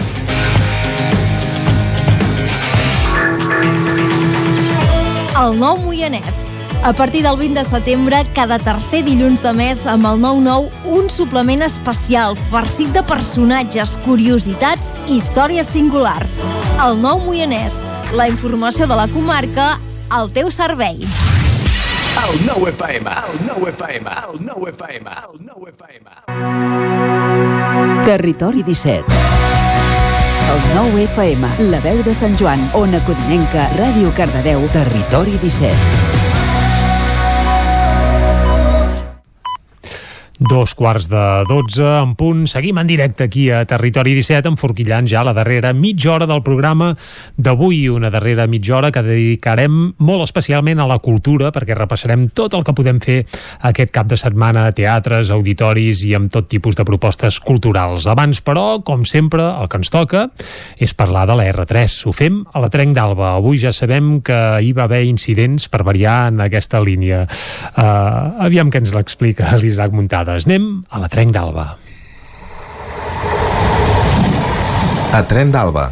Cada dia els usuaris de la línia R3 de Rodalies que veuen sortir el sol des d'un vagó ens expliquen les gràcies i les penes del primer comboi que uneix Ripoll i Barcelona. Benvinguts a Tren d'Alba. Doncs bé, avui toca comentar-vos una mala i una bona notícia. Comencem per la dolenta, evidentment. Ahir la circulació de trens entre Ripoll i Planoles va estar interrompuda en aquest tram per una avaria a la catenària. Es tracta del tren que circulava de la Tour de Carol, que sortia a les 17.14 i arribava a l'Hospitalet a les 20.32. Tècnics de DIF es van desplaçar al punt per avaluar la incidència mentre gestionava un servei alternatiu per carretera. Total, que circulava amb 100 minuts de demora. Una hora i 40 minuts, aviat és dit. Quin drama. I la bona notícia és que hi haurà alguns dies que recuperarem les cròniques dels nostres estimats cronistes de l'R3. Avui us porto la primera amb la incombustible Glòria Francolí. Hola, molt bon dia. Aquí la Glòria, des de l'R3 del tren, que ha sortit avui a les 6.50 del matí, ha arribat a Barcelona amb 10 minuts de retard. Hem passat un any i mig i seguim amb els retards. La pandèmia ho ha canviat tot, a excepció de Renfe, que segueix exactament allà on, és a dir, amb la mateixa tendència cap a l'autodegradació que vam estar explicant durant les primeres cròniques i durant tot el temps que, que les vam poder fer fins l'arribada de la dita pandèmia. Durant aquest any i mig hem après a treballar des de casa, hem après a prendre'ns la vida d'una altra manera, donar valor a les coses que en tenen, a no donar-ne les que no en hem d'aprendre a tornar a l'oficina un altre cop, a carretejar l'ordinador, que fins ara teníem una torre i ara ens han donat un portàtil i per tant anem amb més pes. Però clar, també tenim la sort de que hi ha uns dies que podem seguir treballant des de casa, que al meu entendre i per les persones que vivim fora del nostre lloc de treball és potser la gran millora que ens ha portat la pandèmia. En fi, missatge pandèmic, us deixo que aquests 10 minuts d'anar tard em fan anar una mica malament. Que passeu tots i totes un molt bon dia. A passeu. Ben tornada, Glòria. Llàstima que la crònica impliqui que Renfe no hagi millorat massa en un any i mig, però no és cap sorpresa. De la teva primera crònica només dic que la persona que estava tocant un instrument de fons ho estava fent realment bé. Ah, i sé que el teletreball t'ha encantat a tu. Va, ens retrobem demà amb més històries del tren i de la R3. Territori 17 Ha estat una bona notícia retrobar els cronistes que teníem habitualment a la Trenc d'Alba a la R3. Avui hem escoltat la Glòria Francolí, que quan estava gravant aquest àudio és evident que ja devia ser pels túnels del metro de Barcelona on hi havia un fantàstic guitarrista puntejant allà uns acords ben, ben divertits. I ja que parlem de música, ja que parlem de, de concerts amb calçador ho farem anar, ens capbussem ara a l'agenda cultural pel cap de setmana.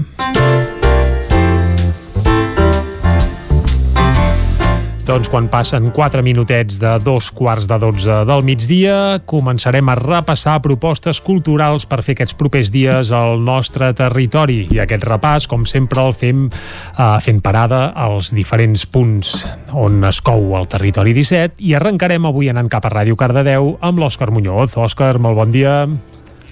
Bon dia. Primer de tot, Òscar, sabem que aquest divendres es presenta el Cardo Terror, eh? Això ens queda claríssim, eh? Sí, sí. Es presenta, I, i en però parlarem, quan, si us agrada, quan arriba? en parlarem quan més arriba? d'això. Ah, està bé, està bé. Quan, quan arriba per Arriben, això, doncs, per dates de castanyada. Ah, I clar, jo Halloween, crec que aquest any anirà doncs, lligat. per aquest... Exacte, sí. Perfecte, perfecte. I doncs per aquest cap de setmana, eh? sí, doncs per aquest cap de setmana eh, els auditoris d'aquesta zona doncs, encara no han activat la programació, ja que començaran la primera d'octubre. A Llinas, eh, aquest cap de setmana, dissabte, eh, ve el José Gorbacho a fer el seu, el seu teatre, bueno, el seu monòleg, eh, Ante todo mucha calma, que ve amb les entrades ja exaurides, o sigui, per això no el comentarem més, ja que tothom ja té entrada per veure el José Corbacho, que es nota que és un actor de té renom. parròquia, té parròquia. Ah, exacte. Llavors, doncs sí que comentarem tres activitats que podem fer al llarg d'aquest cap de setmana. Eh, aquí a Cardedeu, eh, divendres 17 de setembre, o sigui, aquest divendres s'inaugura l'exposició de pintura Mar Endins del Carles Azcón, eh, una exposició que estarà ubicada a l'espai Carles Acmor, aquí a Cardedeu, eh, darrere de l'estació. Mm, a Llinars també es presenta una nova una col·lecció de pintura al nou espai d'art de Llinars del Vallès, on estava situat abans l'antic eh, centre de, de salut. I això, eh, la Montse Clausells presentarà això, una nova col·lecció de pintura inspirada en tres edificis emblemàtics del municipi de Llinars, com són el Castell Nou, el Teatre Auditori i el nou Espai d'Art. Doncs ja eh, estarà aquesta exposició fins al 31 d'octubre, així per poder anar eh, a visitar-la. I acabem amb el 23è cicle de concert de Sanata, que aquest diumenge, eh, dins del municipi de Llinars, no? eh, tenim el quartet eh, Moana, que ens representaran obres de dones compositores, diverses eh, composicions de, de diferents dones de diferents nacionalitats i èpoques, que estarà eh, tocat per un quartet de corda, com hem comentat, eh, dos violins, una viola i un violoncel. Això serà a les 12 del migdia a Sanata. Molt bé, doncs propostes per fer aquest cap de setmana als voltants de, de Cardedeu. Alguna altra proposta, Òscar? No, aquest cap de setmana no hem trobat així cap, ja que a la següent començaran a reactivar-se una miqueta, com hem comentat, els auditoris i doncs aquestes eh, als museus. I deixa'm que et pregunti, eh, vindràs cap a Vic a gaudir una mica del Mercat de Música Viva aquest cap de setmana o, o no? Aquest cap de setmana no, no, no, no, podré, no, no podrem pujar cap a dalt. M'agradaria, eh? Però, però no, no podrà ser-hi. Molt bé. Doncs moltes gràcies, Òscar, per aquest apunt i des de Ràdio Cardedeu anem ara cap a Ona Codinenca on ens espera la Caral Campàs, a qui ja saludem de seguida. Caral, molt bon dia. Hola, bon dia. Uh, què ens proposes, va, per fer aquest cap de setmana? Mireu, uh, començo pel el Moianès. Uh, tenim aquest dissabte a Castellterçol una proposta teatral al centre. A les 9 del vespre uh, ens ofereixen Les dones sàvies amb Enric Cambrany i Ricard Ferrer i és una adaptació de l'obra del mateix nom de Molière. L'entrada costa 12, 12 euros i mig i es pot comprar, es pot adquirir a través del centre.com. I al Moianès també, però en aquest cas l'endemà, a Santa Maria d'Oló tenim una proposta cinematogràfica a les 6 de la tarda a l'Espai a Melosa, en el marc del cicle Gaudí, eh, projectaran La dona il·legal. Eh, L'entrada general té un cost de 4 euros i mig. I me'n vaig cap a Caldes de Montbui, on tenim una exposició eh, que porta per nom Més enllà dels tatuatges, les mares del Salvador, Honduras i Guatemala. Aquesta exposició es podrà veure fins al 15 d'octubre al vestíbul de l'Espai Jove al TOC. I finalment acabo amb doncs, potser l'activitat la, cultural més destacada d'aquests dies, que en aquest cas es fa a Vigues i Riells.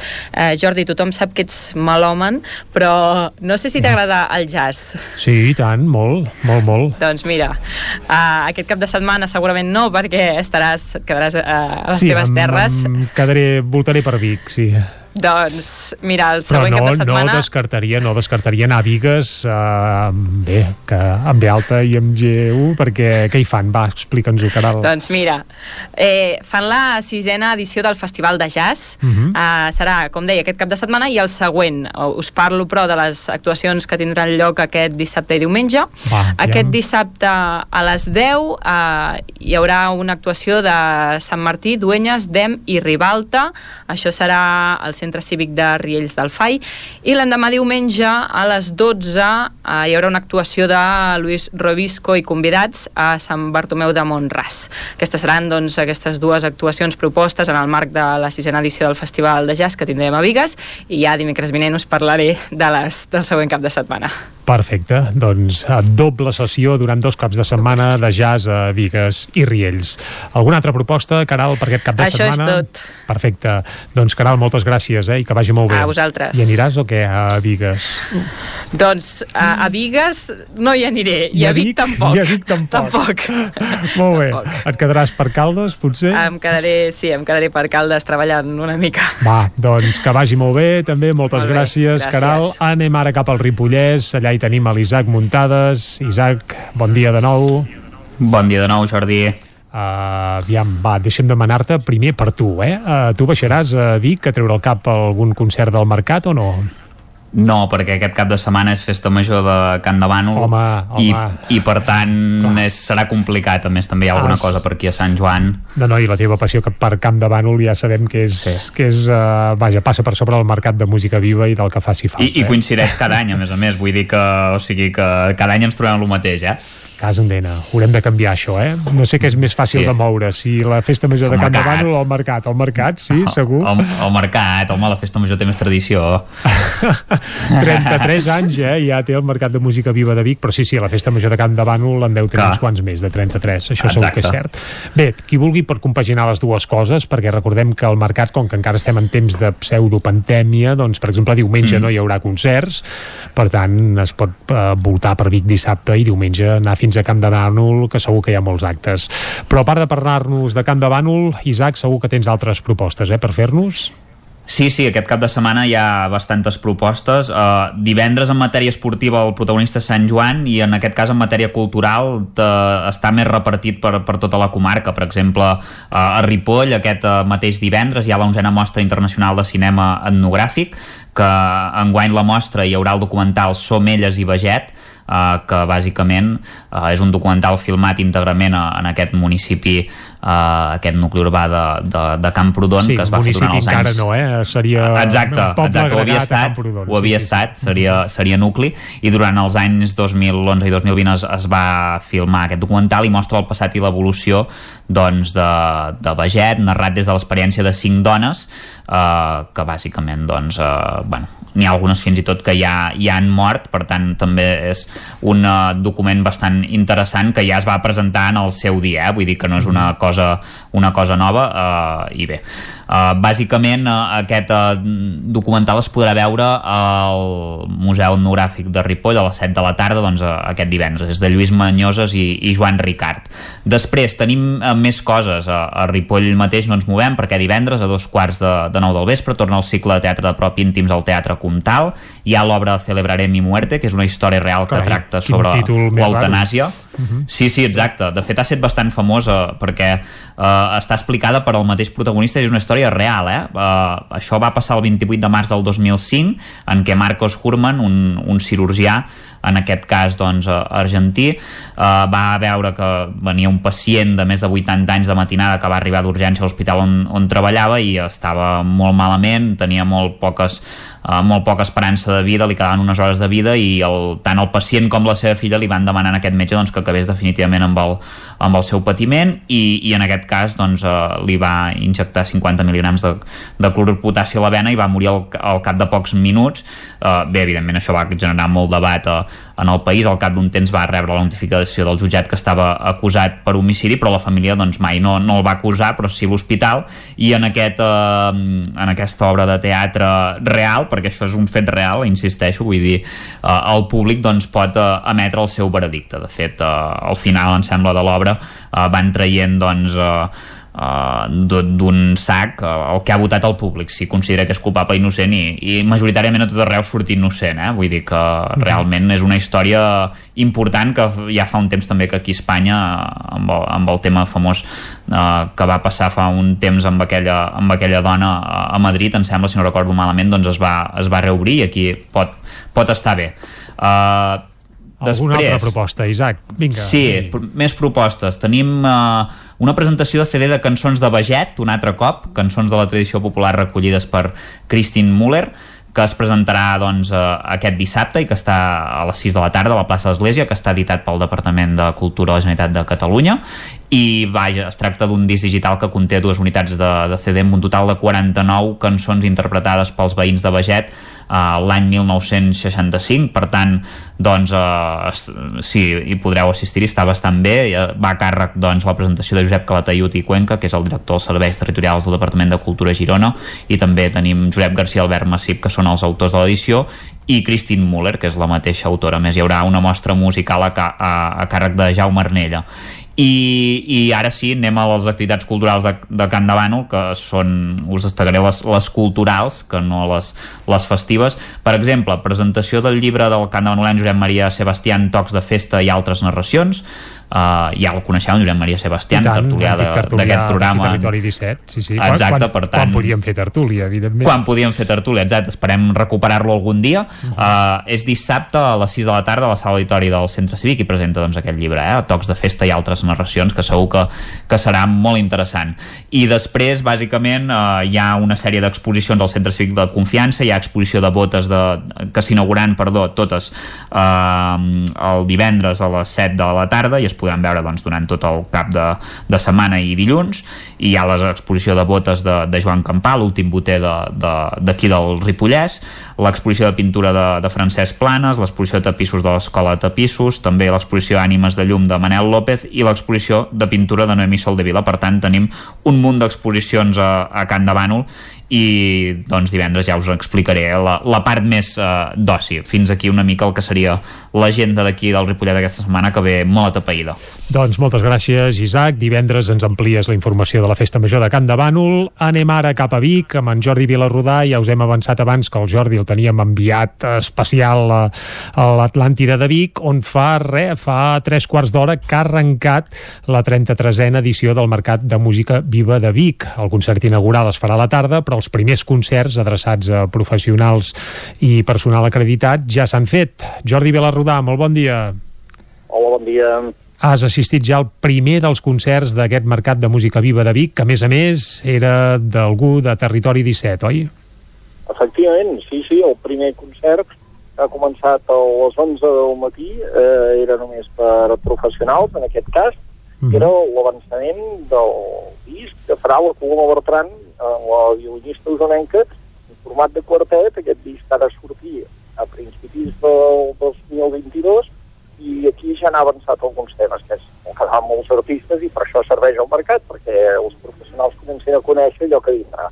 Uh mhm. -huh. I què tal? Com, com ha anat això? Aquest, molt bé, és un concert breu, perquè tots els concerts són breus, de mitja dotzena de temes, en aquest cas, del que serà el disc, alguns dels temes eh, els ha recuperat del disc que havia fet anteriorment de Nocturns i Diamants i que els ha arranjat en format de quartet i altres són temes nous eh, influenciats d'alguna manera pel, pel jazz eh, francès, aquest violí de jazz francès eh, el seu mestre havia fet Didier Lockwood, que és un violinista ja mort francès, eh, un dels que ell havia estat deixeble seva, i la influència es nota molt, hi ha tocs de blues també, sobretot un to molt jazzístic aquest disc. Que el seu primer disc era més de folk cançó, diguem-ne, i potser ara, tenint en compte els músics que l'acompanyen, potser és més jazz, eh, tot plegat? El món, el món del folk era el que venia ella, però ara uh -huh. toca més l'àmbit de, de jazz més aviat, amb alguns tocs de músiques volcàniques, de músiques ètniques més, però, però sobretot recorda molt, molt, molt el jazz i aquest, i aquest jazz europeu i, i amb un quartet doncs, que, que, que les segueix doncs, en aquesta aventura, amb el Quinol Ramo, que és un guitarrista que és capaç de fer de tot, i que és capaç de fer jazz i de fer mil coses més, amb el Joan Carles Aguerri a la bateria, i en lloc del Franco Molinari el contrabaix, que és el que ha gravat el disc, avui hi havia la Caral Camps fent el contrabaix, que té un paper molt important al costat del violí en aquest, en aquest disc. Uh -huh. uh, i, I hem vist això, aquest pastet de mitja dotzena de temes, i ara, doncs, ara, ara comença més activitat professional. Estem alternant aquest matí els concerts, matí i tarda, els concerts a dins, a l'Atlàntida, amb activitat professional a la carpa que està instal·lada fora. Ara comença el sentit dels pitchings, que són unes demos, demostracions de 3 minuts més de durada en què el promotor, un representant, un mànager, un músic explica allò que ve a portar al mercat o allò que ve a buscar, sobretot allò que ve a portar durant 3 minutets i són aquestes tomades breus doncs, mm. que ara s'estan fent a la carta que estem just davant.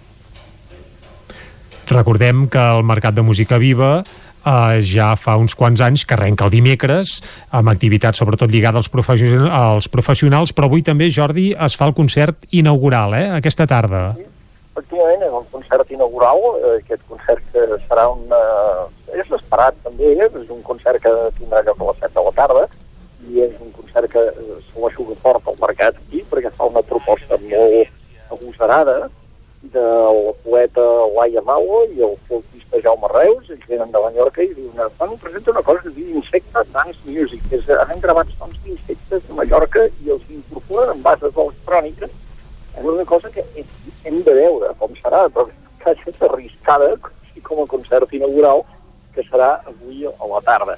Hi ha altres propostes. Eh? Avui, eh, ara, per exemple, d'aquí poca estona, també per professionals es podrà veure doncs, Sílvia Comas presentant el seu nou disc. I després avui, evidentment, també és molt esperada l'actuació del Petit de Calariol, Uh -huh. eh, que aquest és un concert obert al públic, tot i que les entrades estan, estan esgotades. Uh -huh. És estrena, estrena una de les més de 20 estrenes que hi ha al mercat aquest disc que, que ha gravat aquest, uh, aquest nou treball, que ha fet tres, en, uh, tres treballs en quatre anys, pràcticament, amb el ritme que porta, i, i que el presentarà avui al seu de l'Hospital Blanc. I ara l'estem escoltant de fons, una de les peces d'aquest nou treball. Uh, Recordem-ho, el petit de Cal Aril, que és de Guissona, però té un, un teclista de Vic, eh? l'Artur Tort. Sí, l'Artur tal... Tort, que ha estat sí, sempre sí. el seu teclista, uh -huh. inseparable d'ell, i, i, que, i que avui també estarà aquí a l'escenari de l'Atlàntida, esclar. Uh -huh. uh, per cert, Jordi, quin ambient es respira ara mateix per aquí als voltants de l'Atlàntida? Hi ha ambient de mercat? És a dir, tenint en compte sí. que l'any passat presencialment de programadors ah. pràcticament no n'hi va haver cap, no sé ara mateix si es nota que ja... Vaja, no, que es, anem deixant la Covid enrere i que els programadors sí que han uh, vingut a Vic. Hi ha caliu o no? han vingut, eh, esclar, evidentment no són els que hi havia. O sigui, això clar, no podem comparar amb una edició com la del 2019, per exemple, clar, però no, clar... No, clar, no, hi ha la moguda uh -huh. que, que hi havia, perquè s'ha fet aquesta limitació a 500, però aquests 500 hi són, eh, i, i, i estan doncs, contents, molt contents de seguir, molts d'ells catalans també, perquè ha vingut més el programador així de proximitat, o de l'estat espanyol, però alguns ens comentaven que, que molt contents, que està molt l'expectativa de veure com anirà aquest pròxima temporada, perquè la incertesa hi continua, però que venen a veure coses i amb moltes ganes. Uh -huh. I, eh, de fet, es van de presentar el seu certificat eh, de vacunació, etc etc. i si no, doncs ara nosaltres també estem molt a prop de la carta de control del Covid-19, que, que, que és la de fer el test d'antígens, si no porten el certificat de vacunació. O sigui, per, per estar treballant aquí al mercat han de tenir aquests requisits.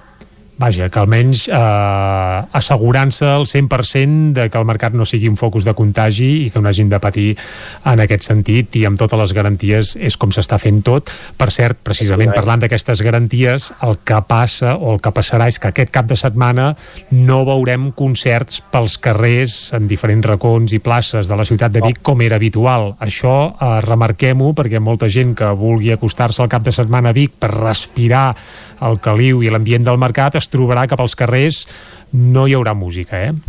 No hi haurà l'ambient a què estàvem acostumats, de música als carrers, ni tampoc que també ja s'ha dit molt i hem insistit que no hi haurà els concerts de la plaça Major i el Sucre, sinó en altres escenaris. Uh -huh. Per exemple, la zona esportiva, la baixa dels Hermanos, en altres llocs, però aquests emblemàtics no hi seran. I a més a més la gent no es trobarà allò grups tocant a cada cantonada. No vol dir que espontàniament pugui passar alguna cosa.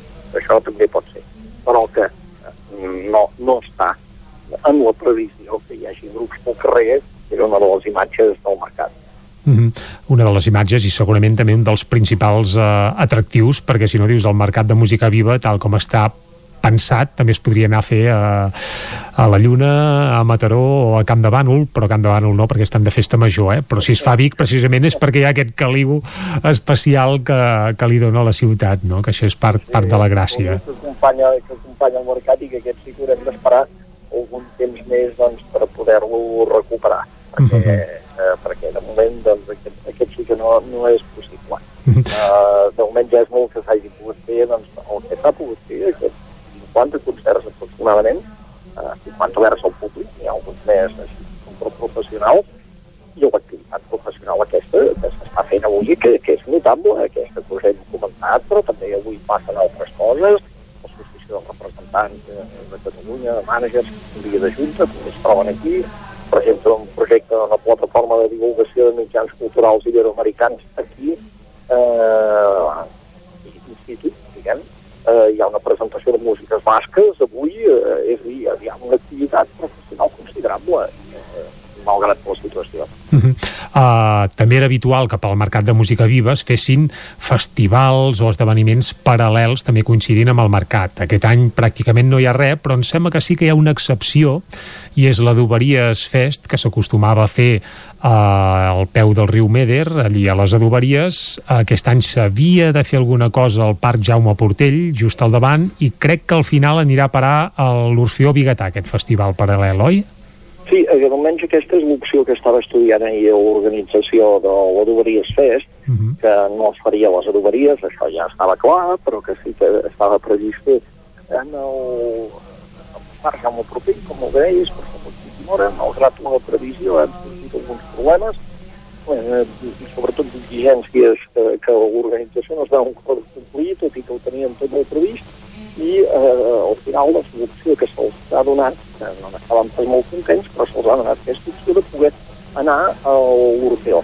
Uh -huh. I, I allí sabem, tenim constància que l'organització estava eh, estudiant doncs, la manera de, de poder, diguem, donar una mica de caliu a l'Orfeó, eh, dins de l'Orfeó, eh, les, la gent, els trinitaris, que mm, sabem per la gent que el conegui, que és espai una mica fred, més per la música, a vegades amb alguns temes de ressò, alguna complicació, diguem, de sonoritat que no està al lloc especialment ideal, però, però la voluntat era tirar endavant la d'oberies festa en aquesta setmana. Bé, ja que ens parles de so, eh, ja fa una estona, Jordi, que tampoc t'escoltem gaire, gaire bé, no estem gaire lluny, ets aquí davant de l'Atlàntida, els estudis del nou FM són potser en línia recta 400 metres, però sí que tenim sí. algun problema de, de comunicació, per tant, Jordi, eh, t'agraïm molt que ens hagis atès eh, res just sortint del primer dels concerts del Mercat de Música Viva de Vic. Eh, moltes gràcies i t'esperem la setmana que ve aquí a Territori, a Territori 17 parlant-nos de propostes culturals culturals ja més enllà del mercat, perquè aquesta setmana sí que cal dir que els teatres i auditoris de la comarca d'Osona encara no han set en temporada, esperen que passi el mercat, i a partir de la setmana que ve sí que ja tindrem activitat al Sirvianum, tindrem activitat a l'Atlàntida de Vic, també, etc etc. Per tant, d'això en parlarem. La programació regular de temporada Correcte. Doncs Jordi, moltes gràcies i que vagi molt, molt bé, bé aquest Mercat de Música Viva de Vic. Moltes gràcies. Moltes gràcies. Doncs amb en Jordi Vilarrodà, que hi hem parlat en directe, ell eh, sortint del primer ja dels concerts del Mercat de Música Viva de Vic. Un mercat que ha arrencat avui, que arrenca oficialment amb el concert inaugural que es farà a les 7 del vespre, un concert, per cert, que també es podrà seguir en directe per al Nou TV.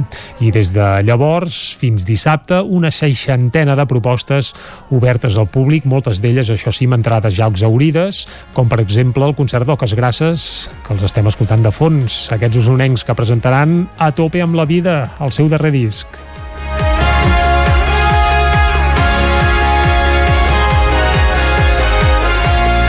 Doncs Oques Grasses, que seran divendres a la nit a la zona esportiva municipal, en aquest mercat de música viva, en l'espai precisament aquest de la zona esportiva on es faran els concerts més multitudinaris. Això sí, amb públic assegut, amb distància, amb mascareta, etc etc. Dissabte, precisament, el nou TV hi serà en directe, oferint els concerts de Su i de Zo per tant, si no hi podeu ser presencialment, ens podeu seguir per televisió. I nosaltres aquí a Territori 17 hem de posar el punt i final al programa d'avui ja.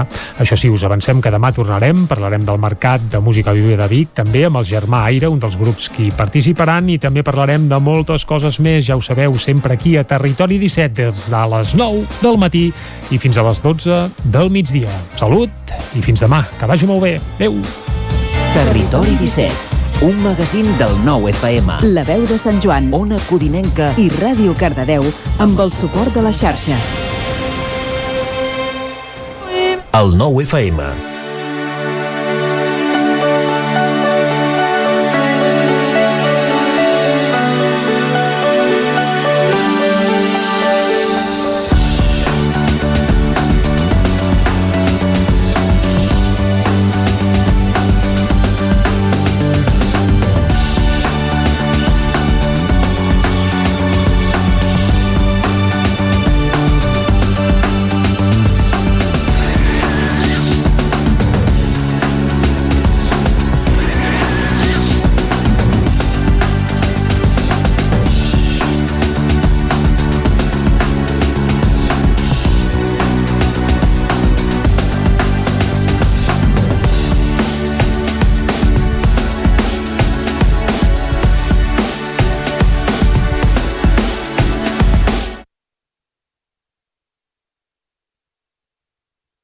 El nou FM, la ràdio d'Osona. És l'hora del racó de León, restaurant bar. El nou FM. El nou FM. Notícies.